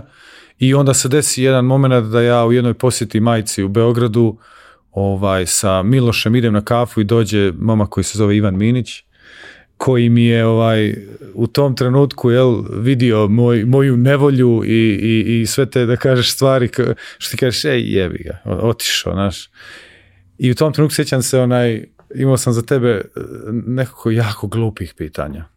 Ali ti me gledaš i kao, pitanja su glupa, ne govoriš ti ništa. Ali si bio vidi ga gori. Pa daj da mu damo malo neka leti. I onda si mi dao jel, nekoliko jako, jako konkretnih savjeta koji su me s jedne strane, kao i uvijek s tobom, jel, umirete, ali, znaš, ono, nema spavanja nekako dana i, i to mi je, e, sad taj splet okolnosti čini to da ja kažem, ok, ja sad e, u svojoj kući u Herceg Novom, u svom poslovnom prostoru otvaram e, jednu malu agenciju koja će da se bavi Eh, recimo digitalnim identitetom. Jel? Jer u to vrijeme ja sam znao kom je ciljna grupa. Ciljna grupa su mi hoteli, moteli, turizam jel? u Crnoj Gori. Da uradimo znači sve što može da se uradi da te stvari koje nisu tada bile još uvijek digitalne postanu digitalni. Da ljudi mogu da kroz website ili na neki drugi način komuniciraju s tim kompanijama. I tako ja počinjem jedan eh, put eh, malog preduzetnika, jel? I to je bukvalno najsrećnije vrijeme u mom životu. Jer je to bilo malo, pa onda i sve da izgori, neko se neće sekirati.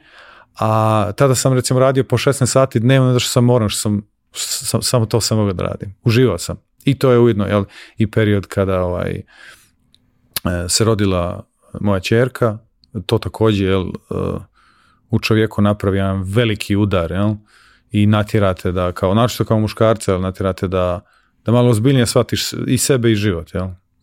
I onda odatle krećemo. Ja mislim da je mnogo važno za svakog ko uopšte razmišlja o nečemu takvom, da nađe neku količinu obaveza koje će ga terati prvo da radi, mm. da ima obavezu, odgovornost, sve ostalo, da ima prihod neki, pa mm. kakav god, ali 100 eura koje sam zaradiš su najvrednijih 100 eura na mm. svetu.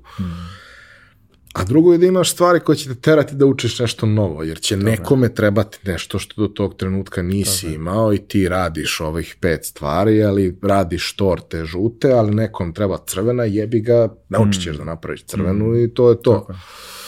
Ovaj, I da je to u suštini jako važno, da u startu je vrlo teško i redko da ti tog posla imaš toliko da ne možeš da učiš.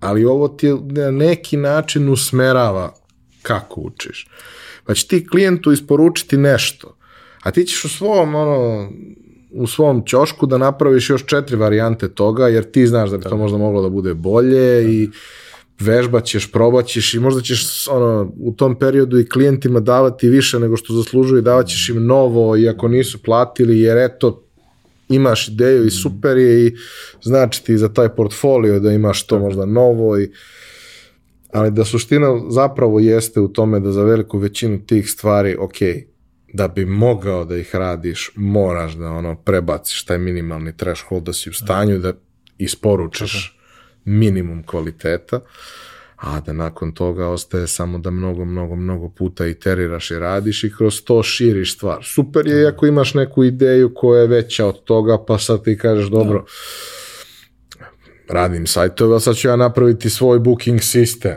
Tako je. Ali ne mora. Ne mora.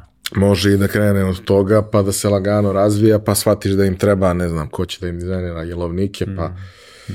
ili ti razviješ sebi rešenje za to, template šta god, ili uzmeš mm. dizajnera koji će time da se bavi, ali ono, ako ulaziš u uslužnu delatnost, što je najgora stvar na svetu, pratiš nekako heartbeat tih ljudi sa kojima radiš, šta je njima potrebno, kako ti njih možeš da rasteretiš. Jer i oni kao i svi drugi koji se nečim bave u suštini samo žele da se bave svojim poslom. I da ne razmišljaju ni o čemu od tih stvari što im je nametnuto da moraju da rade. Zato i dolaze kod tebe, jel? E sad, to sa druge strane obično znači, jeli, pa i danas, a mogu da zamislim pre deset godina u manje mestu, ti si onaj s kompjuterom i za kompjutere. To znači da ti instaliraš Windows, razvlačiš mreže, nameštaš wireless, e skidaš viruse i sve ostalo što u suštini nije ono zašto si se ti ni blizu. Nisi tako zamišljao život, ali, ali neko mora i nema ko drugi, ako neko to ne uradi, oni ne mogu da rade svoj posao. Tako je. E, kako je izgledalo razvijanje tvog preduzetničkog poduhvata? Uh, vrlo si ga dobro već opisao. Znači, bilo je ono puno stvari, vi ste bješe, vi programirate. Za kompjutere. Ali meni telefon ovdje izbacuje nešto, pa on mi poručuje. Pa ako vi možete da mi to, da mi on ne poručuje više. I sad, bilo je tu svega. Ali vrlo brzo čovjek shvata, jeste, jeste, ja sam se osamostalio, jeste, ja sam sad super i to, ali ne možeš sam ti ne možeš sam. ja opet, jel, odmah, odmah shvatam da mi treba pomoć, jel? I tu normalno od samog početka sa mnom je moj dragi prijatelj Boris, koji je ovaj moj ono, komšija živi 200 metara od mene, jel, zajedno smo išli u školu, na studije smo se tu rastali, on je otišao ipak da, da studira elektrotehničku školu, bude programer, a ja sam otišao na mašinstvo, jel, testosteron i to, ali opet nekako se, jel, tu nas život sastavlja, rastavljano i sastavljano stalno, jel? I ja kažem, Boki, ajde da, ajde bre, da, da radimo mi ovo. Ajde. I on čovjek imao tu mnogo više iskustva od mene, imao je mnogo više iskustva također u radu sa, znaš ono, servis računara razlačimo mreže, tako što ti kažeš. Sve što je trebalo malo mjestu, a da ima veze sa, sa bilo čim što, što nije, znaš ono, e, e, e, za, za šteker ću da zovem električa, ali za parkirač, a za sve ostalo ima još neka lampica, to su ovi, ova dva, oni, oni su kao nekakvi za kompjutere. I tako i bi.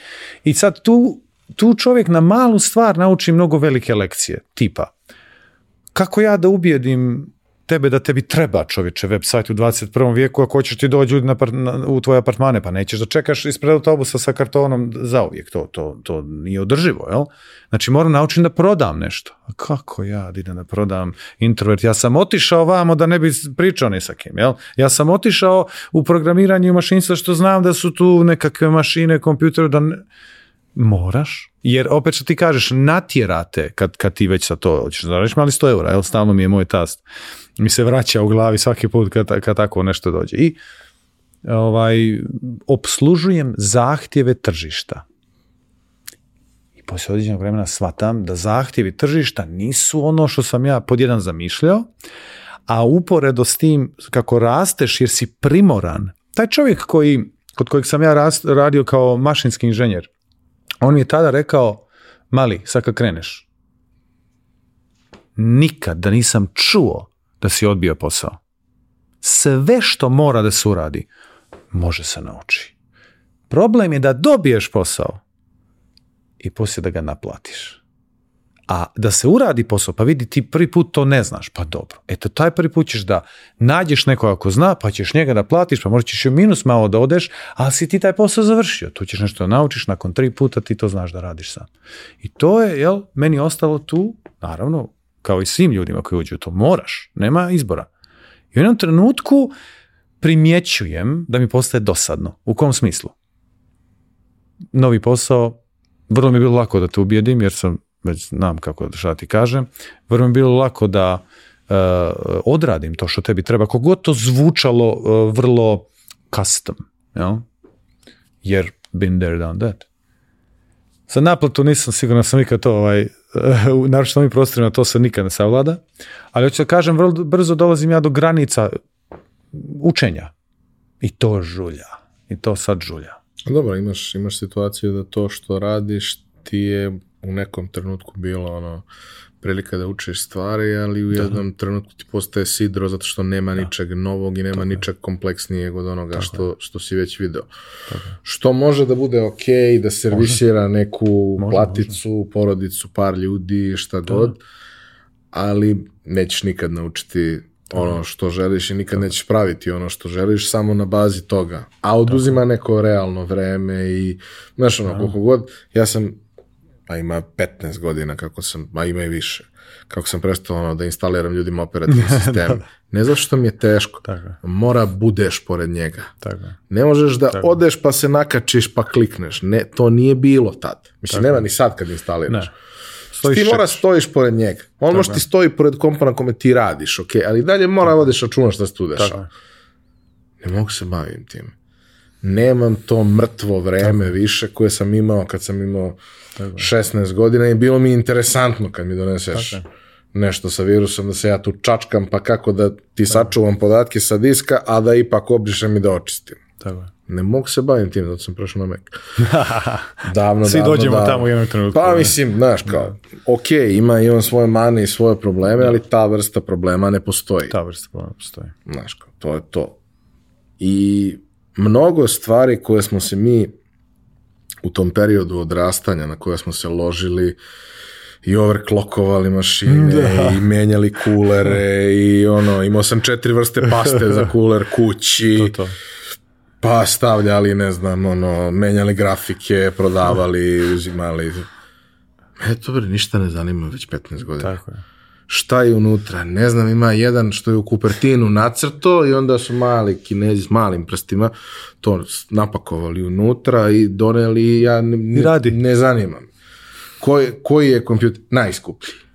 to to. Zašto? Zato što je to sredstvo za rad koje Nema, nemam vremena za mjesec dana i ne, zanima me šta je unutra. Tako jeste, nekad je fenomenološki lepo da istražiš, ali mene neko kad kaže E, znaš, koju, koju, grafiku da uzmem? Ne znam. Ne znam. Nakon ono, Rive, TNT, ne pratim šta se pojavljivalo novo. ono, mislim, nije bukvalno, znaš, ono, ne, neki, neki oni koji su imali da. 512 memorije su bili pojam u moje vreme, sad je to besmisleno, brate, znaš. Više niko o tome ne priča, samo, samo mi starci. ja odem i kupim ono što, što je neko tamo rekao, kome ja vjerujem da je to to što treba. Kao što više, ja ne znam koliko čega ima moj telefon, osim što znam koliko ima memorije, jer to moram da znam Jedina zbog slika. Sve ostalo, ja ne želim da znam šta je unutra. To je razlika između entuzijasta i profesionalca. Znači, to je alat, za profesionalca tebi je to nešto što ti koristi, što, što mora da radi odmah. A kad si entuzijasta, onda ti tu trošiš svoje vrijeme. Mislim, ne trošiš, nego ti tu provodiš svoje vrijeme ti je lijepo. I sličan problem imam ono, kad pričam sa ljudima koji se lože na automobile i sve ostalo, da oni nešto čačkaju. Ja svaki put kažem, ne znam, brate, koji god auto da si mm. odabrao, da li je to češki inženjer, mm. ili je to japanski, ili je mm. korejski, ili je čiji mm. god, ne njemački, ako je taj čovjek tamo rekao da to treba bude tako, možda ti možda izvučeš iz njega 5%, ali ti stvarno treba tih 5%? Odlično pitanje. Znaš, kao, ali mi ćemo sad da mu zamenimo farove i stavit ćemo, a što ćete da mu zamenite farove? Pa jel ti se ne sviđa toliko auto? Pa uzmi drugi auto. Ali govoriš kao inženjer. To je sad problem, jel? U ovoj konverzaciji. Pa nije, to nije problem. to je dobro. to je rješenje. ovaj, zato što prosto to su stvari koje treba da se posmatraju iz mog ugla kao nekakva sredstva koja nam omogućavaju da uradimo ono što želimo. Kao što je i software, tako. koji razvijamo sredstvo. I stalno, znaš, ono, kad sam bio mlađi, stalno sam se zalagao za to da stvari koje moraju da budu performantne, budu custom. Mm. Jer sam samo tako mogao da budem siguran mm. da će biti performantne. Mm. Ali tada ni gotovih rešenja nije bilo mnogo i nisu bila napravljena sa ciljem da budu performantna, nego da urade nešto, pa sad kako god. Danas, ja ne pamtim kad sam nekome predložio da radi nešto custom pored mm. gotovih rešenja koja postoje, koja mogu da se prilagode. Tako. Znaš, i onda ulazim u priču, evo sad baš imamo ne, klijenta jednog sa kojim, kome pokušavam da objasnim da treba za to što koriste da pređe na neki od CMS-ova, mm. ja navijam za WordPress iz opravdanih razloga, jer to treba da koriste ljudi koji nisu inženjeri, znači treba sekretarica da ume da unese sadržaj, tamo će najlakše da nauči da unese. Ali kao, ali znaš, bolja su custom rješenja. Da, ali vi imate prezentacioni statički sajt. znači, vama ono, od najkompleksnije stvari koje možete da imate na sajtu je galerija slika. Radi na klik u jebenom WordPressu. To je to. Ali to je nebezbedno, to je ovo, to ono. Nije, brate, nebezbedno je kad ti staviš šifra 1, 2, 3 kao šifru i kad instaliraš 800 pluginova i kad se igraš sa tim da bi ti se nešto mrdalo, ti staviš četiri plugina. Inače, nije nebezbedno. I nije sporo samo nisi upalio keširanje koje je trebalo da upališ i tako dalje i tako dalje i tako dalje. treba poznavati alat s kojom radiš.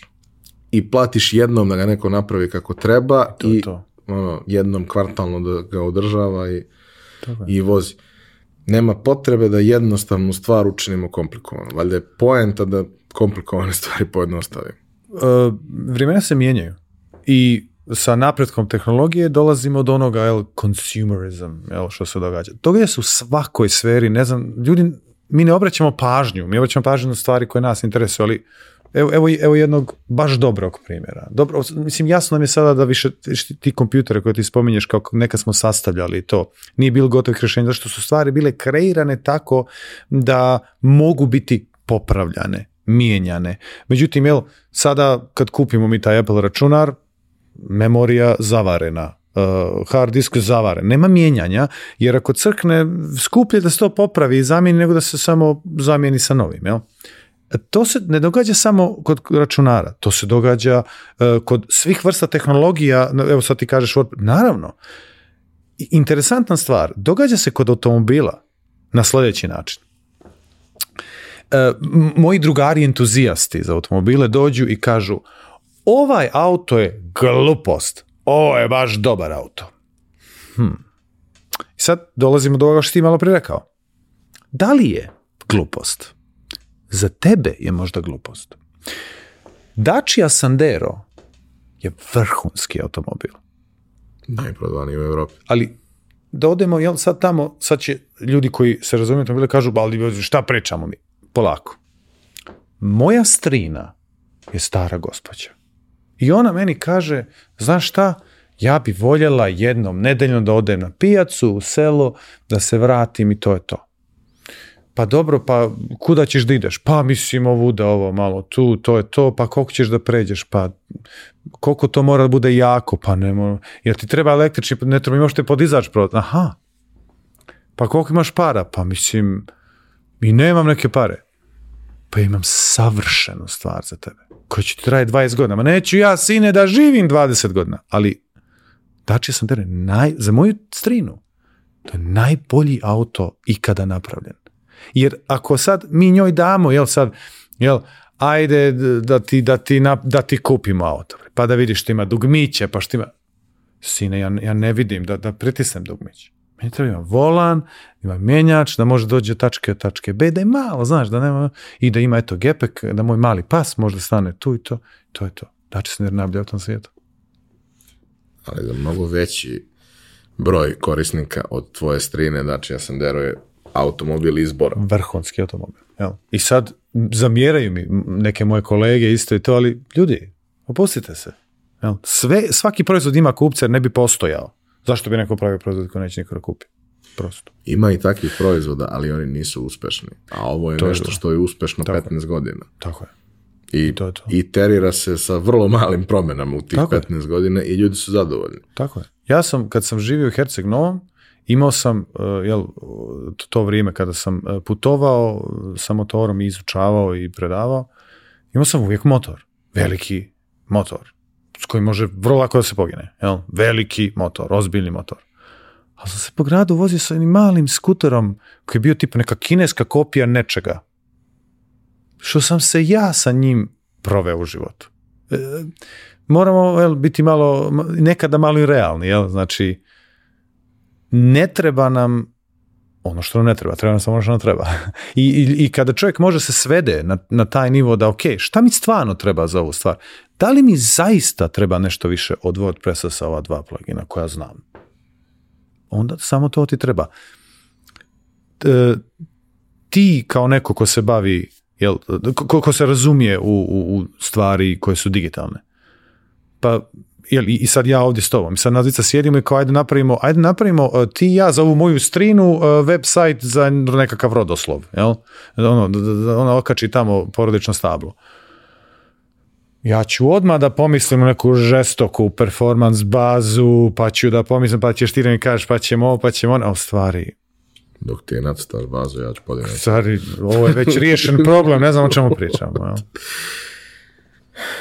I otkud ti u Njemačkoj? Da. Ja, ja sam u to vrijeme, ja sam bio Njemac ovdje. Jel? I sad vrlo, vrlo je bitna stvar da, da to naglasim. Znači, ja sam ovdje bio Njemac. Meni smetalo sve što nije po redu, po propisu, po redu vožnje, ovo ono, jel? Ovo je mnogo bolno mjesto ako, ako imaš te vrste problema, jel? Tako da ja sam uvijek birao i poslove i klijente i prijatelji, sve po tim nekim kriterijima, jel? I dešava se opet sad e, splet nekakvih okolnosti da jedna e, e, njemačka kompanija želi da se proširi na balkansko tržište, naravno zbog čega svi dolazimo na Balkan na kraju dana, a da nije dobra hrana, dobro raspoloženje dobre ljudi je mozak koji je jeftiniji od, od drugih mozgova, a ovaj mogu da potvrdim mnogo moćniji za, za, za, za neke stvari.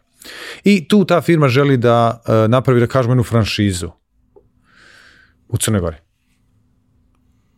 Ispostavlja se da jedan direktor te firme ima kuću 200 metara od moje. I da čovjek koji mu država kuću kaže, vidi, ja ne znam ništa o tome, ali znam ove momke što rade s kompjuterima. I tako dolazimo do tog kontakta prvog gdje, gdje je bila ideja da se jel, taj set proizvoda koja ta firma ima, ovaj, razvija dalje kod nas i da bi mogli da krenu, jel, da ja budem ta, to njihovo predstavništvo. Pretvorimo moju kompaniju u predstavništvo te firme. I sad kako to sve ide sa, sa, sa mm, ta, tom njemačkom birokratijom, način kako, kako se posluje tamo, to traje. To jednostavno dugo traje. Svaki sastanak kad se zakaže, to, to traje. I nakon godinu dana trajanja, nakon godinu dana e, pregovora, dogovora, kako ćemo, šta ćemo, ovo ono, jedan čovjek u toj kompaniji me pogleda i kaže, znaš šta, mi, mi, mislim da mi gubimo vrijeme i mislim da malo i ti gubiš vrijeme tamo gdje si. Jer tačno, tačno je znao da me pipne za stvar koja je meni bila E, ono problem u tom trenutku kao ponestaje mi prostora za, da, da me nešto muči. Mnogo, neko vrijeme ništa ne muči, jel kako da riješimo, kako da riješimo. Ono, nemam e, projekte da radim koji su mi izazovni, koji me muče. I on kaže, ajde da, da tu tvoju viziju realizujemo tako što ćeš ti jednostavno da dođeš kod nas ovdje i nakon tipa 15 sekundi razmišljanja ja kažem da, a onda te kažem ženi. Ovaj, ovaj, I onda događa situacija da, da nas troje u tom trenutku, Hana je, moja čerka imala 11 mjeseci, bukvalno preko noći spakujemo kofere i odemo, odemo ovaj, u Njemačku. A e, jel, sad ta, ta moja firma nije mogla preko noći se ugasi, jel? Normalno moj prijatelj, kolega, Boris je to nastavio da vodi i da, da to radi još neko vrijeme, a mi smo se putili na sjever. I kako izgleda dolazak u Nemačku? Ima mnogo različitih nemačkih, Ima. u zavisnosti od gde si došao. Tačno, znaš o čemu ćemo da pričamo. Ja dolazim, ja ne znam gdje dolazim. Znači, ja, ja samo mislim da je Njemačka Njemačka ja samo mislim da je to ono red, rad, disciplina, sve ono što ja volim. Ja samo sad hm. čekam sa te stvari da će da budu. Jel? Ja dolazim u istočnu Njemačku, u grad koji se zove Kemnica, koji ima 250.000 stanovnika. Podgorica ima 180.000, za mene je to neki grad, jel? A ovo ima 250.000, ja sam mislio to će da bude baš isto, jel, grad. I dolazim u firmu koja je svjetski lider na tržištu fleet managementa, flote vozila. Jel? I što se same firme tiče, to je bilo baš dobro. U smislu, baš izazovno. Ali ja sam došao u grad gdje od 250.000 ljudi niko ne govori ni jednu riječ engleskog. Nisam siguran da li su vidjeli i jednu drugu rasu osim bijelca ikada. Dolazim u mjesto koje dok vozim kroz njega naš zajednički prijatelj Miloš je tad bio sa mnom. Mi smo zajedno ušli u grad, ti se sjećaš toga. Mi smo zajedno ušli u taj grad i ti vidiš da je to nekada bilo nešto. To su, to su ogromne hale, zgrade, ono, od cigle sad nije tad bilo ono metal, pa krović, pa tu se vidi da je... panel. to se vidjelo da je nekada bilo nešto. Da je bilo nekada moćno, a sada je pusto i ugašeno. To je sad ta istorija koja se desila tom dijelu Europe. Mi ne možemo ništa tu da uradimo, tako je kako je. I ja sad dolazim na to jedno mjesto i uh, sjećam se, Miloš je bio nekoliko dana sa mnom, e, Nevena i Hana su došli kasnije, ja ostajem sam nekoliko, možda mjesec dana, tako nešto. Ali bukvalno kako je Miloš prešao kako je, kako je otišao s one druge strane vrata, ja sam sjeo na patos u ćošak, u mraku, u hodniku, na ono automatsko svjetlo se izgase, razmišljam, šta je meni ovo trebalo? Šta sam ja uradio? Izlazim iz komfort zone, u svakom mogućem smislu. Znači, postoji puno stvari o kojima ja ne znam ništa, e, od toga kako da, kako da naručim kafu u restoranu do, do toga kako ću da radim taj posao, jer sad dolazim monstrozno veliki sistem. A ja sam se bukvalno u poređenju s time igrao. Ok. Što se mora nije teško. Jedna po jedna stvar krećemo. Ali taj, ta, na odgovor na tvoje pitanje, taj prvi susret je bio zapravo traumatičan. Iako ništa se meni nije desilo. Mislim, to je civilizovana zemlja sa civilizovanim ljudima, sa, sa sistemom koji funkcioniše u svakom mogućem smislu ali e, prosta stvar da ne, ne možeš da uspostaviš komunikaciju sa ljudskim bićem preko puta tebe je bilo nešto novo za mene. Jer opet ja dolazim iz turističkog mjesta, pa koliko god da sam introvert, jel, nekako ćemo se dogovoriti. Ali ovdje je bilo baš teško. Ba, baš, baš, baš teško. Je bilo malo lakše kad su došli? Bilo je mnogo lakše, s te strane što ima kod me potapše po ramenu, super, ajde još jedan dan, pa dođi kući, pa bit će opet dobro, pa da, znaš, neko ko te otpremi i dopremi. Ali ovaj, dugo vremena nije bilo lako. I ovaj, šta radimo kad nam nije lako? Pa, ja se borim kad mi nije lako. Ja dam sve od sebe da nešto promijenim. Uvijek mogu da se vratim, šta sad? I ja odlučujem da uradim, naravno, ekstremnu stvar i kažem, ok, šta treba ovdje se da, da počnem da, da imam jel, malo lakšu komunikaciju, malo lakše život? Treba se nauči taj njemački jezik. Dobro. Kako može to se nauči? Pa ima neka škola. Kakva škola? Pa ima, kaže, svaki dan četiri sata. Koliko dugo? Pa devet mjeseci. Pa dobro, što se mora nije teško. Devet mjeseci, svaki dan, četiri sata. Ja sam išao posli posla u školu njemačkog jezika. Položio jel, isto ko onaj moj prijemni za, za mašinski fakultet, jel, naučio svu gramatiku jezika koja postoji, da bi shvatio ti gramatika uopšte ne treba, Trebati samo riječi, a? opet vraćamo se na ono, srpski jezik ženost I to je stvar koja me potpuno šokirala. E, mislim, rezultat tog e, rada je sljedeći. Uđeš bilo gdje, gdje do sada nisi mogao da uspostaviš nikakvu komunikaciju, kao da je zid sa druge strane na primjer kod ljekara i stoji medicinska sestra koja zakaže. Ne, ne, desila se stvar koju ne očekujem, koju ne vidim. Dolazim i pitam na njemačkom. Ja još uvijek učim njemački. I izvinjavam se na vam lošem njemačkom. Da li ja mogu da zakažem jedan termin? Ko ste vi? Mhm, dobro. Popunite ovaj formular, čime se bavite, ovo, sve je to. Oh, gospodine, vi ste inženjer. Inženjer. vi ste vi govorite njemački odlično. Molim vas, izvolite, sjedite. to, je, to, je, to je strašan šok. Ali šta se događa? Kako to jedan, nije to samo Njemačka, znači tako, tako gledaju na nas koji dolazimo sa strane sve te razvijene evropske zemlje. Radi se o sljedećem. Ja sam tu došao i ja radim neki posao. Zbog tog posla ja plaćam porez i sve što ide u to.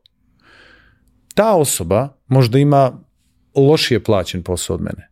Ne ljuti se ta osoba na mene jer moja velika, moja veća plata će njoj da bude penzija.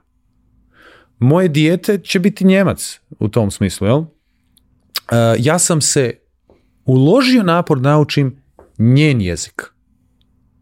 Šta kaže ta jedna osoba? Pa kaže respekt. Bravo, momak izvoli sjedi, sve ćemo da uradimo. To nisam vidio često u životu. Deset godina kasnije, vrlo vjerojatno možete sve da dogovoriti na srpskom. Pa, eto, nadamo se. Jel? E,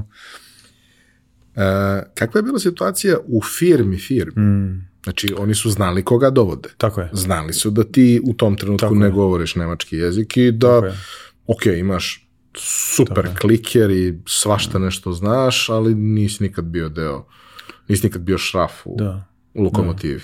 Pa na sreću u pitanju je IT kompanija. I ovaj, oni su rekli odmah sve na engleskom. Sve na engleskom. Ali ti moraš znati njemački u nekom trenutku. Znači, ne očekuje se da ti dođeš njemačkim, ali moraš znati u nekom trenutku zbog tebe. Vrlo brzo sam vam shvatio šta je to značilo, to je ova priča malo prije. E, međutim, u samoj firmi sve se, e, sva komunikacija je bila normalno na, na engleskom jeziku. I tu zaista nije bilo nikakvih problema u smislu te vrste komunikacije. Ali bilo puno problema u smislu sad, jel, veća je firma, komunikacija prvo teče jako sporo. Za svaku stvar mora da se zakaže neki sastanak, pa jel, ne, stvari se ne događaju spontano. Sa kolegama u istom timu i to da, ali mislim za bilo koju stvar koju bi ti, imaš ideju pa bih nešto da promjeniš, to ide jako sporo. Ok. I sad šta ja radim? Ja kažem, dobro, ja moram da naučim ova pravila igre, jel? I da e, budem najbolji što mogu u tome. I to radim prvih četiri, pet mjeseci. Znači, učim pravila ponašanja, učim pravila komunikacije i učim kod i produkt na kom radim. To jest set produkata na kom sam radio.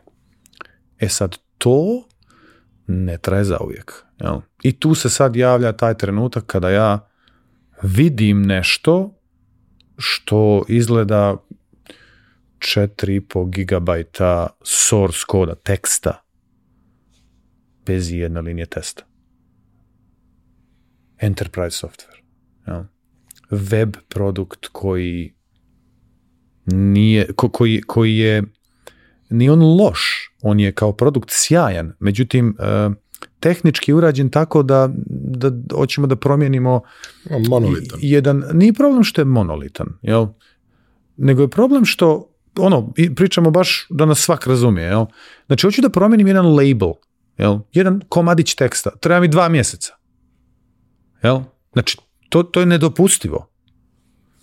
I tad se događa ne prvi put, ali prvi značajni put u mom životu da ja dolazim kod autoriteta i rizikujem puno.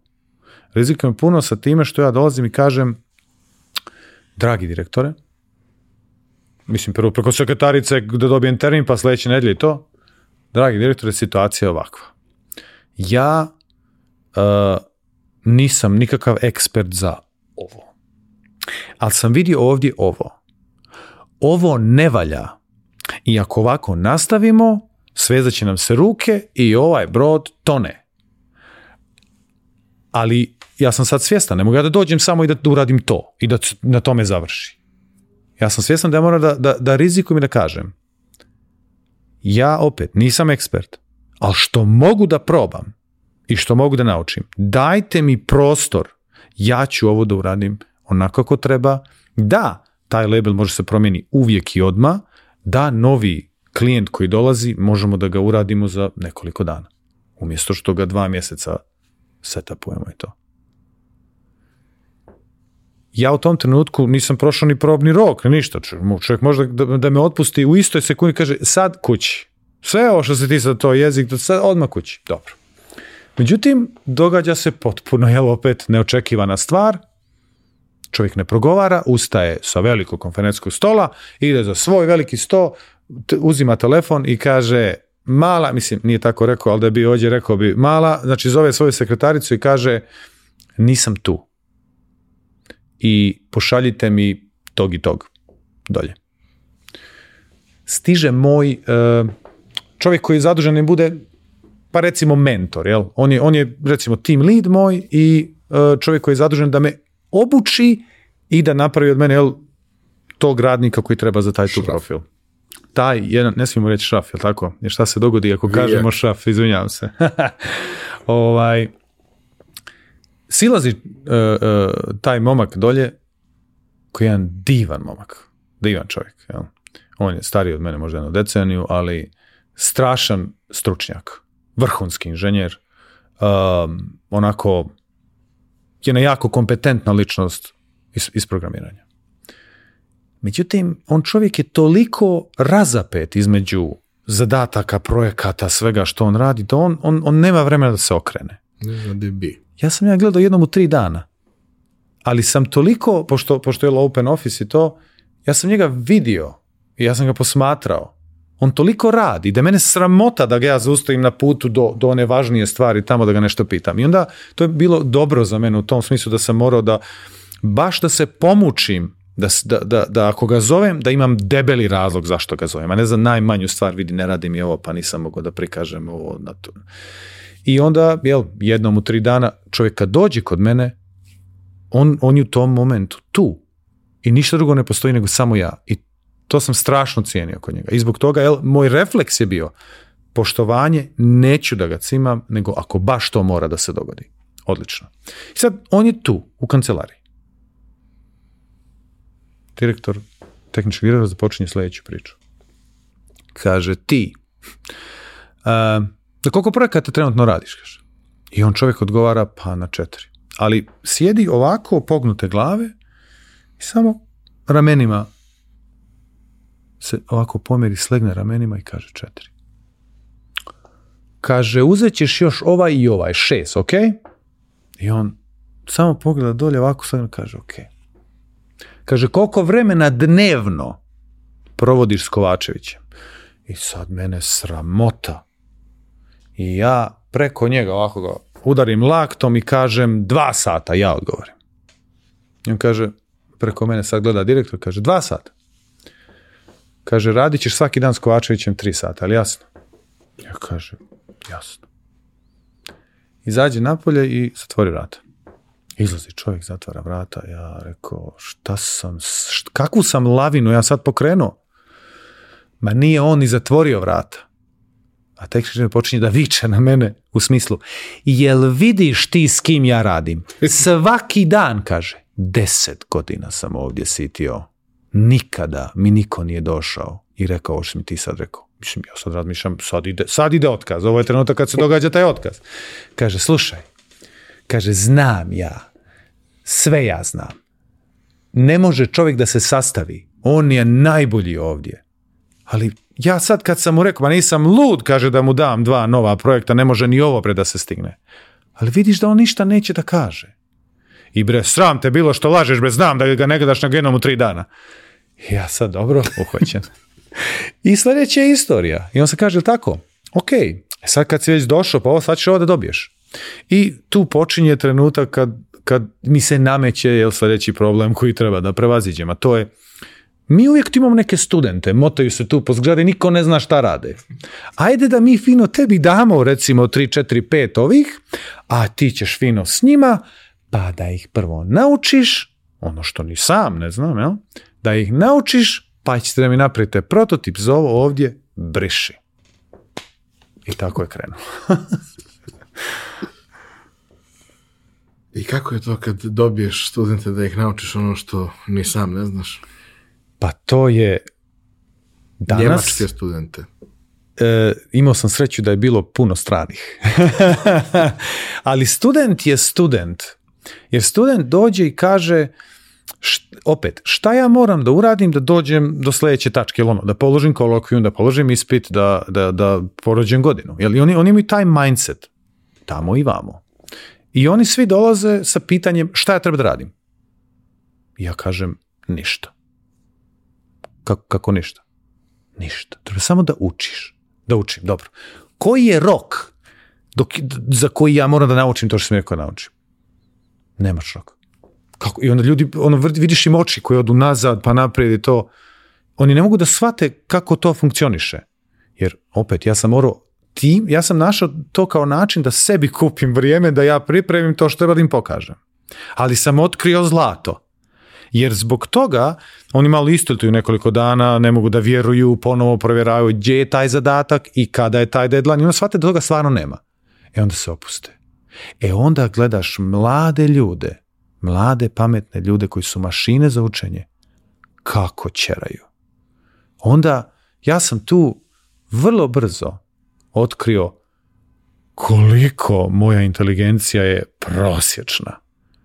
Znaš ono, stojiš na semaforu i misliš da imaš sad ti to, ono, stavio si kajn, filter, nešto ono, i pored tebe stoji Ferrari. I kad krenemo, ono, ništa, vidiš samo, čuješ zvuk od pozadi, rep i to je to. E, ja sam imao privilegiju u svom životu da vidim dosta takve djece koji su, koji su nevjerovatno nadare, nevjerovatno brzi. Ja ono što sam mogao da uradim su dvije stvari. Mogao sam da im prenesem svo znanje koje ja imam, i da ih uputim, da, da, ih, da im pomognem da nađu svoj put u nečemu što oni uživaju u sferi ovoga što imamo ovdje kao radni zadatak. I tu dolazimo do trenutka da ja moram da naučim sve iz početka. Jer, jer ja trebam nekom da objasnim sad kako ovo funkcionira, zašto ovo radimo ovako. Pobogu čoveče šta će nam ovo četiri fajla da nije mogu da bude jedan. Jel, zašto ta funkcija ne može da bude 170 linija koda nego, nego, nego treba bude 4, 5, 6, nije bitno. Jel? I ja onda odlučujem da, da, da uradim sledeću stvar. Odlučujem da zbog svog ovog noiza koji si ti spomenuo, što smo rekli da je problem u našoj industriji, a ono, blagoslov ali i, i, problem, u moru informacija treba sad mi da nađemo šta je žito, šta je kukolj. Ja u tom trenutku odlučujem da uradim sljedeću stvar. Da svaki koncept iz konkretno programiranja i arhitekture softvera učim od nule iz početka od ljudi koji su ga prvi put pomenuli. Jel? Znači, da, da ne kažemo otkrili. Mnogi ljudi nisu otkrili neki koncept, nego su radili negdje je neko otkrio koncept, pa su ga oni dokumentovali to je isto fair game. Ja sam čitao knjige stare 40 godina koje opisuju jel, rad, e, e, ono, način na koji bi mi trebali programiramo, tada ga opisuju, a danas je ne da je relevantan, nego, nego jeste. baš tako treba. I tu zapravo otkrivam koliko taj moj strah koji sam ja čitao vrijeme imao da ja nisam dovoljno dobar, da nisam dovoljno pametan, da sav taj kod koji tu stoji da ja ga nikad neću razumjeti jer sam ja glup, da to nije istina ovo nije dobro. Ovo nije dobro. I ovako to može se uradi. I najvažnija stvar koju sam dobio u tom procesu je sljedeća. Ti kad dođeš da radiš za nekoga, ti e, jednostavno, jel, ti nikad ne instaliraš ono kao novi WordPress. Nego, brate, dođeš, ima postoji sistem i guli na način na koji smo mi do sad gulili. Jel? I e, ti kao, recimo, junior Eh, ili čak midior, ti ne bi znao iz početka nešto sastaviš. A meni je to ono što smo pričali s početka priče bilo vrlo bitno. Da ja mogu od početka do kraja nešto da sastavim. Ili u ovoj fazi bar da razumijem kako bi ga uradio, znaš, kad je već tu ispred mene. Ne, mogu samo da uzmem i da gulim odavde do ovde. Moram da znam kako smo došli, ali moram da znam gdje idemo. Kad sam prošao jel, svu tu literaturu tih kako si ti nazvao, tih staraca, jel? To su starci, mnogi nisu s nama. Ja shvatam da, o, evo ga put koji je dovoljno generalan da se uklapa u svaku priču. I to je ono što ti kažeš čemu služi taj fakultet ili takva jedna srednja škola i svo to nekako generalno, ono, čemu fizika kad imamo vamo malj i, i komad kamena? Jel? moj profesor Vasić je, je znao da kaže sljedeću stvar. Vi ne morate da znate ni jednu činjenicu, ni jednu formulu, ni, ništa ne morate da znate. Ono što morate da znate je na koji način biste pronašli biblioteku, raf, regal, policu, knjigu gdje možete, ne da nađete rješenje, nego da možete nađete literaturu iz koje ćete naći rješenje. To je inženjering i ja dobijam to. Sa tim načinom, jel, prolaska kroz svaki koncept, znači ono, mi pričamo, ti se kažeš, ne znam, arhitektura, ja, arhitektura, pa sad pričamo, ti kažeš kako da uradimo eh, jedan eh, pipeline, da na jedno dugme eh, vidi moj kod u, live. Jel? Aha, znači continuous deployment. I, svaki koncept od onoga koga je napravio, koga je izmislio. Bože, ali smo mi sve prekomplikovali. Koliko neistina, Riječ je neistina koliko neistine danas postoji na internetu od te besplatne literature koju mi možemo, odakle mi možemo da učimo. To, to, to je jako, jako veliki problem. I opet dolazim do onoga što sam rekao, mentor.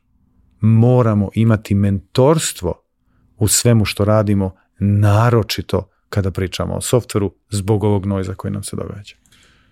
Ima tu jedna stvar, to je da je nekad softver pravljen sa namerom da traje i da. ti imaš i dan danas softvere koji su napravljeni 50-ih, 60-ih na kojima se vrti ono, kompletan financijski sektor, bukiranje avio karata i sve ostalo radi i dalje na ono nekom Tako. u, nekom Tako. čošku nekog warehouse i e, ljudi koji su to tad pravili, oni, oni nisu učili programiranje, oni su ljudi inženjeri, inženjeri kojima je to bilo sredstvo da urade neki posao.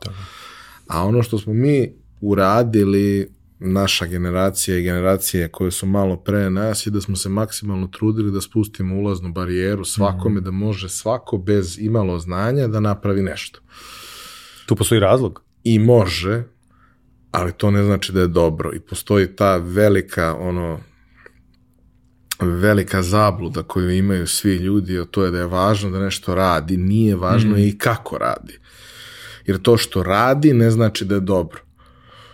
Nekada ti treba da prekrpiš nešto. Ali ima ono, ima onih sajtova koji iskupljaju najbolje komentare iz kodova svih vremena i ima onaj moment kad neko kaže ono, temporary fix i deset godina kasnije ispod toga komentar temporary my ass. tako isto i ovo. Mislim, ja se sećam isto u jednom periodu naš dragi prijatelj Branko Plagosus koji je bio mm. nedavno u Pojačalu, ovaj, je pravio neku aplikaciju, čini mi se za Tuborg. Hmm. I sad on je to za tri noći sastavio u najživopisnijim stanjima, on se ne sjeća pola toga i postoji u kodu komentar koji kaže ja ne znam čemu ovo služi, ali kad se obriše, sve se raspadne. to je korišćeno, ja mislim, pet godina je korišćena ta aplikacija i ona je radila posao, hmm. nije sporno.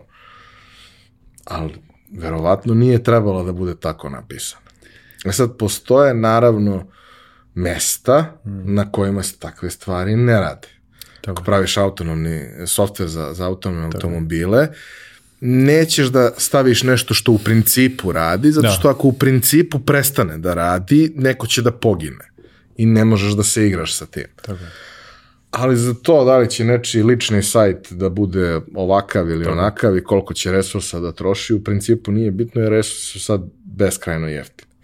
I to je ono gde se odvajaju u suštini dve vrlo ozbiljne grane. Mislim, tvoje predavanje na tu temu je bilo jako interesantno zato što to predstavlja kao sekvencijalni proces, a ne mora nužno da bude tako. Tako je. Ovaj, gde neko postaje software inženjer, software arhitekt u nekom trenutku ili sistem arhitekt i imaš neko ko je to. Šta ti radiš? Ja sam dečko programer. Hmm. Taj dečko programer, on pravi piece of puzzle koji se uklapa u nešto i vrlo često njegov posao je prevodilački, nije to okay. kreatorski. Tako Problem je što je naša industrija, mislim problem možda i nije, možda sam ja samo ljubomoran. Ovaj, ali čini mi se da, da je loša stvar što u našoj industriji ljudi sa relativno malim znanjem i nešto mm. veštine mm. bivaju preplaćeni za to što rade i mi preplaćujemo jako loš softver koji koristimo. Tako je. To se meni onako sa strane, a i iznutra čini kao kao najveći problem. Da, da li smo svi nekad nešto nabuđili? Oh, naravno da jesmo i naravno da ću da živim za te trenutke kad nešto napravim što ne može da može. Ali ako je to nešto treba da se koristi duže od jedan dan negde, smislit ćemo neko rešenje koje će da bude trajno, da ne bi morali da ga popravljamo svakih tri dana. Tako je.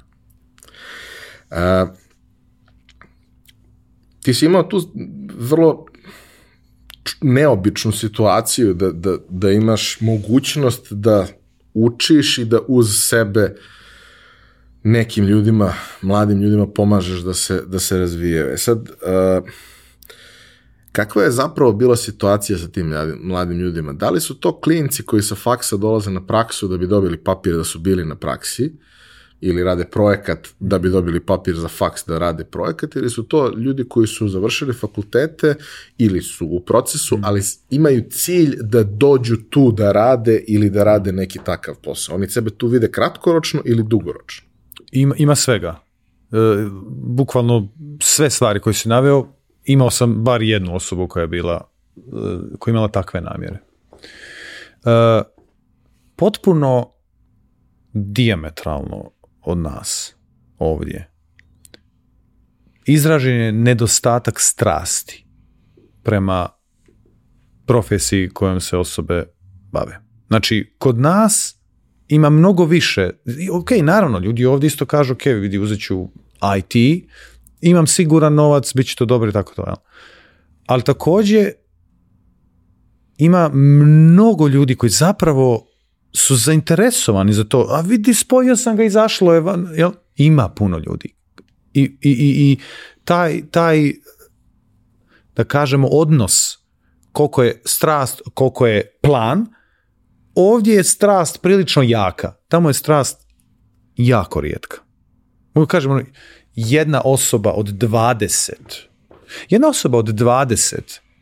Ovo ćete šokirati sada jer, jer ovo je moja statistika nakon skoro 10 godina ovoga. Jedna, u, Njemačkoj, znači, prošlo je kod mene možda 60 studenta. Kada kažem studenta, ja mislim na ljude koji su ili e, ono, na kraj srednje škole pa rade onu praksu pa će da postanu kao srednja stručna sprema IT-evci ili koji su, pošto to također postoji, jel? E, ili je fazon kraj univerziteta ili je negdje pred kraj univerziteta ili je radni semestar univerziteta, sve ista stvar. Jedna osoba od 20 je imala da mi pokaže nešto ili bar da mi priča o nečemu što nije bio zadatak na fakultetu. Jer ja na intervju imam dva pitanja. E, prvo pitanje je znaš li da čitaš i da razumiješ engleski? uopšte ne moraš da ga pričaš. Ali ako ti možeš da čitaš i razumiješ engleski, ja mogu te naučim svemu. Ja, ne, ne samo ja, nego sva naša literatura je zapisana na tom jeziku, znači mogu da te naučim svemu.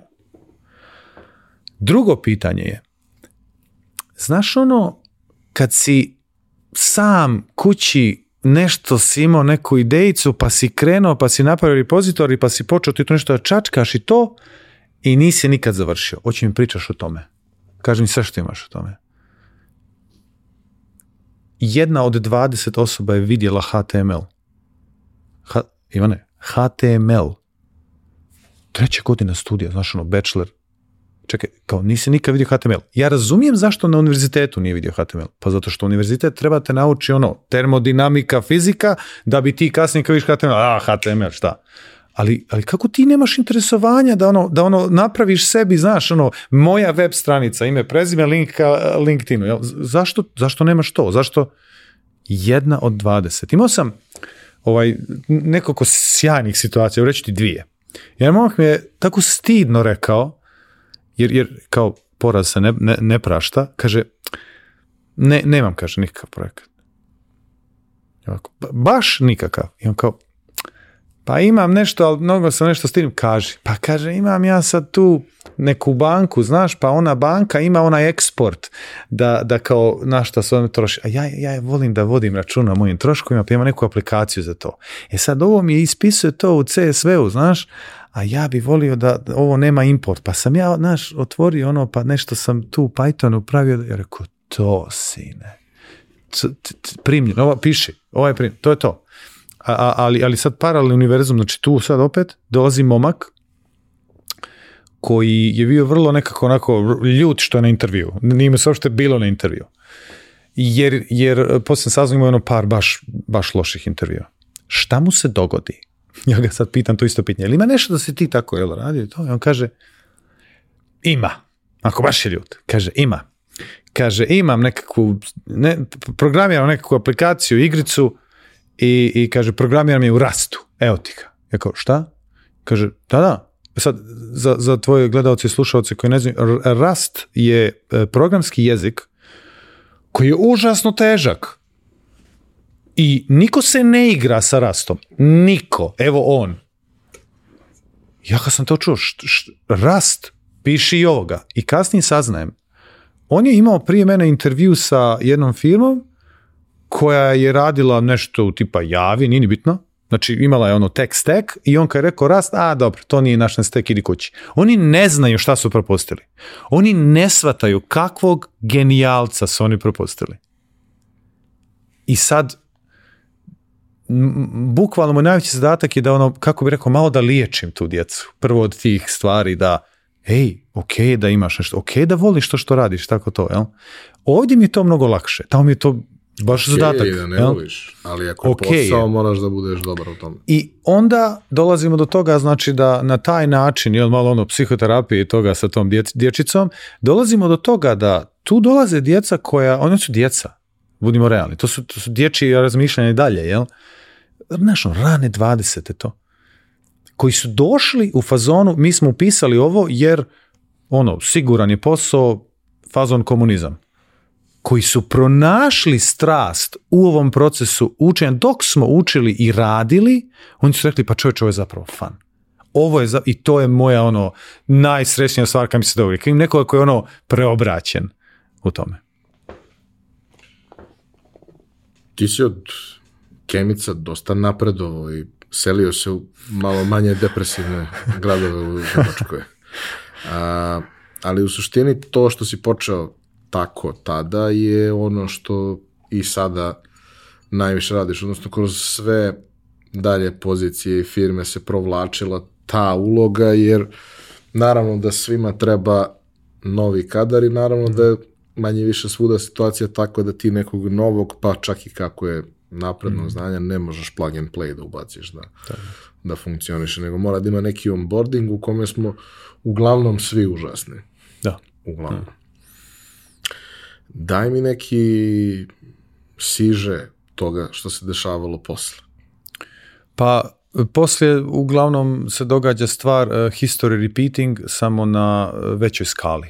Jel? Znači, ja sam uh, htio da idem dalje Eh, jer opet ta, ti projekti na kojima sam u tom trenutku radio opet nisu bili ono što bi ja htio da radim i tako to gdje sam htio dalje da učim jel? Jer, jer opet došao sam u situaciju da me, da me, da me pita jel, vlasnik kompanije kao pa brate evo imaš sve evo znaš što da radiš ovo šta, šta sad ti šta sad ti talasaš Znaš, ono, kažeš mornaru, evo ga kopno, pa do, srećan sam jednom u osam mjeseci kad vidim kopno, ali svo ostalih osam mjeseci hoću da ne vidim kopno, hoću da, da, da vidim, ne znam da objasnim o, taj moment koji osjećam u sebi i kažem, ok, ja moram ići dalje. I opet, jel, splet okolnosti dešava se sad, ja, ja mijenjam jednu firmu za drugu, opet e, želimo također da se pomjerimo iz Kemnica. I onda odlazimo u Bavarsku Bavarska je vrlo na papiru obećavajuća. Znači najbogatija, bije se sa Baden-Württembergom koja ko je najbogatija u Njemačkoj, velike industrije, sad pričamo već o, o ozbiljnim projektima, ozbiljnim stvarima. Prelazim da radim za bavarsku firmu, slična stvar se događa. Dolazim tu i imamo problem, jel? Treba nam tri mjeseca da promijenimo ovu glupu stvar ok, znači, isto stvar. I ja ponovo dam nekoliko mjeseci stvarno, jer, opet ja pozivam toga da sam ja glup. Znači, ja ovo sigurno ne razumijem. Ovo mora da, ok. I ulazim unutra, moram da naglasim, u to vrijeme, ono što sam rekao, ja, sad znam ono što sam učio od onih svih ljudi, to, učenje još traje, ono, ono, mislim, ono nema kraja, ono dan danas traje, jel? ta čitanja, stalna preispitivanja, znaš, stalna gledanja, je li ovo danas novo što je izašlo zapravo isto što je ovo ili nije ja u tom trenutku nemam samopouzdanja da tek uletim tako kao kao boji da kažem ne, ne, sad znamo kako radimo ovo. Ok, ajmo, idemo ponovo iz početka od nule da naučim kako se to ovdje radi, da vidim i opet nakon nekoliko mjeseci frustracija dolazim u isti razgovor, istu situaciju i kažem, dragi vlasniče, imaš tri sina koji treba da naslijede ovu kompaniju, ako ovako nastavimo, tri do pet godina u, na, ovoj, na ovom kodu se neće moći ništa uraditi a, mislim, pišemo softver, zašto? Pa da bismo ga napisali jednom, prodali sto puta.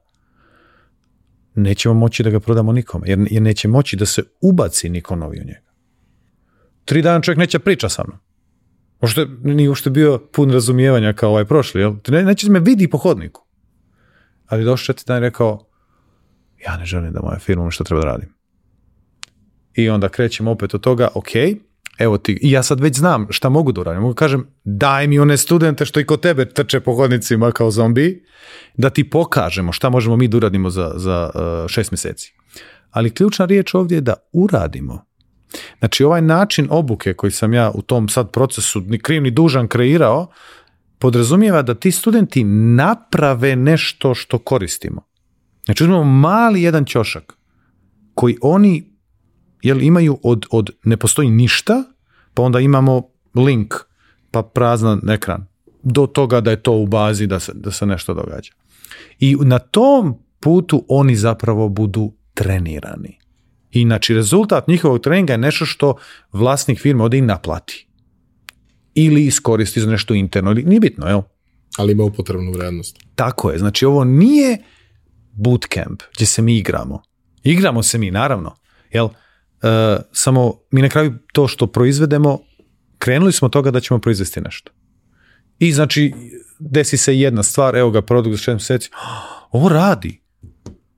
Aha, čekaj, dobro. Ja imam sutra prezentaciju, mogu ga ponesem? Može. Dobro, sigurno će eksplodirati. Neće. Dobro, dobro. Odlazi čovjek, vraća se i kaže, nijedno mi nije eksplodiralo vaš ovaj kao demo. Jako, za, zašto se očekuje da demo eksplodira? Pa ko mislim, ja tako živim 15 godina, sine, jel? Ja kao, ne, ne, ne, ne, ne, to je to. I onda ja sad tu dobijam mogućnost da implementiram sve to u, i u tu firmu. Jel? I tako, jel, idemo dalje do sljedećeg limita. I onda opet, jel, dolaze limiti gdje se dešava stvar, ali ja bih još malo problema, malo mi je muke u životu. Jel? i do nekih vizija i ono bolova odrastanja o kojima smo ti ja malo i pričali već, dolazimo do toga da ja ponovo želim da uđem u tu neku zonu gdje imam punu, punu, potpunu, punu odgovornost nad tim, da kažemo, tehničkim dijelom. I e, evo, ovo je onako jedna ekskluziva za, za, za tvoj podcast. Ja ovaj, sam sada u jednom procesu ko osnivanje jedne kompanije koja će imati proizvod i koja će od prvog dana funkcionisati ovako.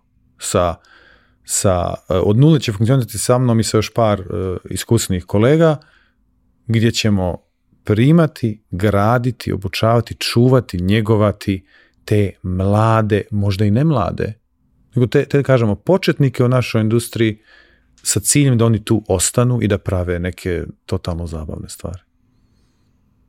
Ja se divim ovo tvojoj divnoj ženi. Kako te trpi? To je... Ja bi te ubio na spavanju. Bilo je, bilo je da, ona, ona zaista mora da sluša svašta, mora da vidi svašta, ali e, na kraju dana ona meni kaže, vidi, ja znam da ti imaš to dobro srce i da, da ti na kraju dana nećeš tu nikog oštetiti, a šta će s tobom biti, evo ja te otpratim i dopratim pa dok da stignemo. E, kad smo pričali o svemu tome jedan od prethodnih puta, ja sam naravno ovaj, izrekao dosta e, sumnji u to da je tako nešto moguće napraviti. Hvala ti na tome. Ovde. I u principu u dobroj meri i dalje stojim pri tome. Ne znači da je nemoguće, naravno, ali mislim da je jako teško, jer mislim da taj mit o velikom novcu i lakom i brzom novcu je jednostavno previše atraktivan i da jako malo ljudi zapravo zaista želi da nauči nešto. Oni žele da budu taj šraf koji će imati dva soma za dobar dan i znaš, postoji taj jedan moment koji je nešto najužasnije na svetu, a to je taj moment kad ti imaš 19 godina, dođeš kući, imaš više para nego cela tvoja mm. porodica zajedno. Mm. I ako nisi baš pokupio što se vaspitanja tiče u kući sve što treba, mm. ti imaš jedan prilično ponižavački odnos prema tim ljudima bez kojih prvo ti ne bi postojao, jel? Ovaj, a drugo, verovatno ne bi ni došao u poziciju u, u, u kojoj si. I tu se kroz takve stvari se najčešće i vidi ta nezrelost jednog mm. tržišta što dozvoljava da postoje takvi mladi ljudi i ti ljudi se redko se ulupaju u tom procesu. Mm. Znači, nema mnogo primjera koji će da mm. kažu, e, ovaj se poleteo pa je dobio po pomoćnicama. Ovaj, nema takvih primjera previše, jer on iako je dobio, on je za 7 dana dobio drugi posao za 300 eura više i ide dalje i nikada neće naučiti mm. kako nešto treba da se uradi, odnosno da se ja vratim korak nazad, naučit će kako možda nešto može da se uradi ili neće naučiti zašto to radi tako, a ne na neki drugi način. Radit će ga po automatizmu bez, bez previše razmišljanja. Dobro. E, prošli smo ceo tvoj razvojni put. Tu imam naravno još jako mnogo detalja, ali ono što bih volio za kraj negde je da ako postoje neki ljudi koji razmišljaju sada o ovome, idealno ako su inženjeri ili ako imaju predispozicije da budu inženjeri, šta bi im dao kao savjet odakle da počnu da se inficiraju stvarima kojima se mm. ti inficirao? Koje su jedna, dve, tri knjige koje treba da pročitaju ili predavanja koja treba da potraže i poslušaju, da od toga krenu? To je, to je baš, baš dobro pitanje i postoje takve stvari. Znači, opet moramo na trenutak samo da porozgovaramo o onome što si ti rekao, a to je puno toga zavisi šta, šta moramo da uradimo. Jel, to, on, vraćamo se na onu priču o, o Dači i Sandero. Jel? Znači, ti sam kažeš, imamo uh, produkte koji zahtijevaju budu napravljeni i nikad više ne taknuti. Ja, znaš, ono, napravili smo tu neku prezentaciju, isporučili smo je, do sljedeće ne diramo ništa, a kad dođe sledeća bit će nova, jer, jer će se promijeniti puno toga. To je jedan način rada. ja o tom načinu rada, ja lično, nemam puno da kažem. Nekako, ono, kreneš radoznalo, što ti kažeš, transferišeš ti te neke stvari koje pokupiš, jel, napraviš to, to je to.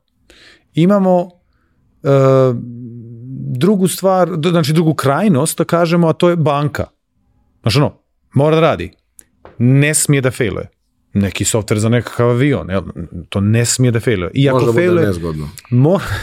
mora da ima mehanizme šta se događa kad se failuje. Tako je.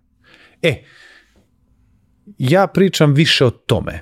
I ja generalno kroz ovo što pokušam da prenesem i da, da, da, da, da pokušam da dam našoj industriji ovdje tu, tu svijest, to je ako pravimo takve stvari koje iole liče na takve stvari, a iznenadili bi se ljudi koliko startupa zapravo bi trebalo da pravi takvu stvar. Jel? Na taj način piše kod, iako su startupi koji će možda umrijeti za, za godinu dana. postoji način kako da budemo agilni i brzi i, da izađemo na tržište i sve sa dva aspekta. Znaš ono, Ivane, imamo situaciju, ok, treba nam brzo da izbacimo taj proizvod, mnogo je dobra ideja, nećemo da niko drugi to sad krene, ajmo mi da izbacimo to brzo dobro i sad ti izbaciš nekakav proizvod s nekom paletom feature i onda dođeš u situaciju, mislim, pol toga ne radi. A mislim, ideja je sjajna, ali mislim, pol toga ne radi, A imamo drugu opciju. Izbacimo mi taj proizvod i nema sve feature. I pretićenja se ona gomila tamo ljudi što zna vrlo brzo to izbaci feature. Ali naš radi. Znaš no, ima tri stvari i sve tri stvari nepogriješivo rade. Ako pričamo o tom načinu rada, to je ovo o čemu ja govorim. I mladim ljudima koji imaju uh, potencijal što ti kažeš, ali ne mora ni potencijal, želju. Ovo može da uradi svako. Svako ko odluči da ovo uradi preporučujem uh, rad čovjeka koji se zove Robert C. Martin. Mogao sam slobodno iz da kažem ozloglašeni. Njega niko ne voli. On nije sam po sebi puno toga izmislio. Ali on jedini koji je skoro sve objedinio. To je dovoljno dobar početak. Krenimo od Robert C. Martina koji je napisao e, čuvenu knjigu Clean Code, također vrlo, vrlo problematičnu, jer je teška. Jel? Jer je mašinski fakultet, jel? Teško je. um, mora da naučiš puno toga da bi ti sklopili kod na kraj. Znači, ako želite da krenete od nečega, to bi bilo nešto na tu temu. Vrlo pažljivo. Ne od youtube i prvog clean code TDD tutoriala na koji naletite. I to nema veze sa onim što to zapravo jeste. To je vrlo kompleksna stvar. To je fizika. Nije čekići, ne znam, nija kamenčina krenite sa tim. E, nakon toga vidjet ćete da li imate još želja jel, ili muka da, da želite da nastavite dalje. Kad krenete s arhitekturom software, također od njega imate knjigu koja se zove Clean Architecture. I definitivno rad čovjeka koji se zove Kent Beck. Kent Beck, za razliku od Uncle Bob Martina, jeste izmislio mnogo stvari. To je osoba koja je izmislila test driven development. To je osoba koja je izmislila uh, uh, uh, extreme programming, originalni agile koji mi imamo danas. To je osoba koja je izmislila JUnit, to je osoba koja je izmislila razne neke, mogu sad da nabrajam, ali to je osoba koja centa nije zaradila, jer, jer nije znala to. Znači, uh, na primjer, Kent Beck je napisao knjigu Test Driven Development by Example. I šta je fascinantno, knjiga je tipa iz 98. Naravno da je relevantna, i dan danas, bit će zauvijek. Ali ono što je interesantno, čovjek pomisli iz 98. Pa ja čoveče, od 98. dana toliko novih problema je nastalo da ja to, ja to ne mogu odatle. Taj čovjek je napisao knjigu deset, nakon deset godina rada sa tom metodom. On je vidio sve probleme koje ti možda zamisliš, koje ti nećeš vidjeti. I to su neke stvari odakle možete krenuti. Ja sam napravio tu onaj ja imam jedan isto govor koji sam držao u Berlinu e, na engleskom jeziku gdje ja nabrajam sve te stvari. Za, za publiku na, na, na Digitoku sam e, dao malo više toga na našem jeziku. E, stvari se ponavljaju. Nisam ja ovo ništa izmislio. Ovo sve postoji decenijama. Jel? Krenite odatle, ali vrlo pažljivo. To su teške stvari.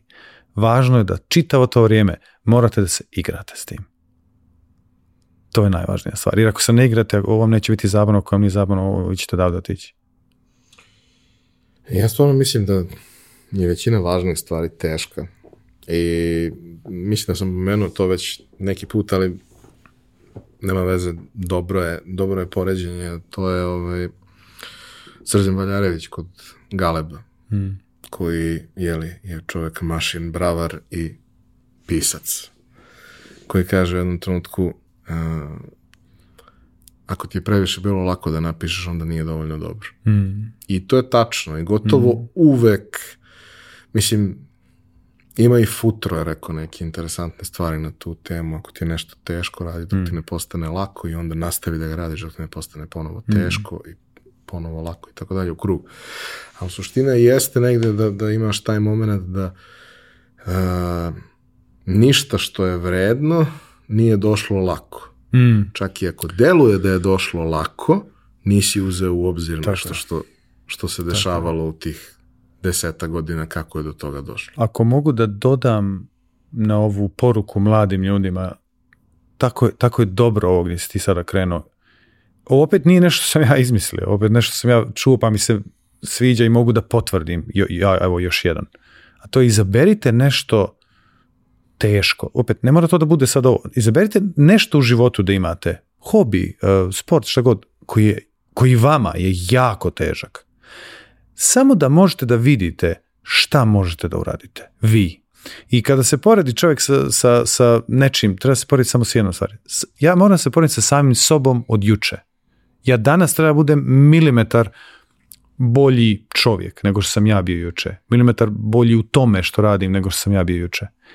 Što može za 365 dana nešto da se uradi. Ja danas, imam skoro 40 godina, nakon decenije Kyokushina, nakon decenije judoa, ja počinjem novu, ovo put neće biti, ovo će biti više decenijska stvar. Ja počinjem, jel, prije nekoliko godina da se bavim brazilskim jiu koji najbliže stvarnoj borbi što postoji. Ja tamo idem svaki dan i jako mi je teško.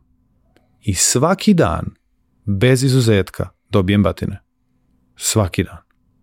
Ali svaki dan također dam ja nekom batine.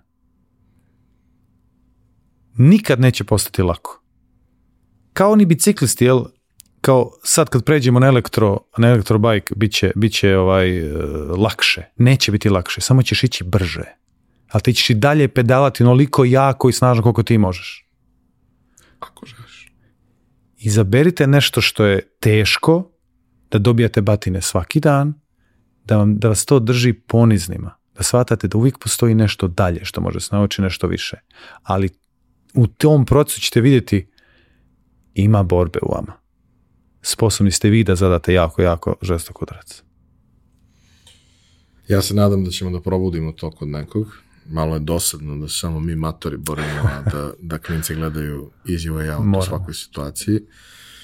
E, hvala ti što si bio. Hvala ti što si bio u Nišu. Hvala ti što si bio ovdje, što smo pričali o ovome, jer mislim da je stvarno važno. Dali smo e, mnogim ljudima mnogo tema za razmišljanje, šta će oni s tim da rade pa ne možemo mi baš sve da rešimo u jednom podcastu. Hvala ti na pozivu i nastavi da radiš to što radiš. Evo jedan momak iz Herceg Novoga je bio inspirisan stvarima o kojima si ti pisao, pričao, pokazao i evo, danas imam tu čast da sjedim ovdje s tobom.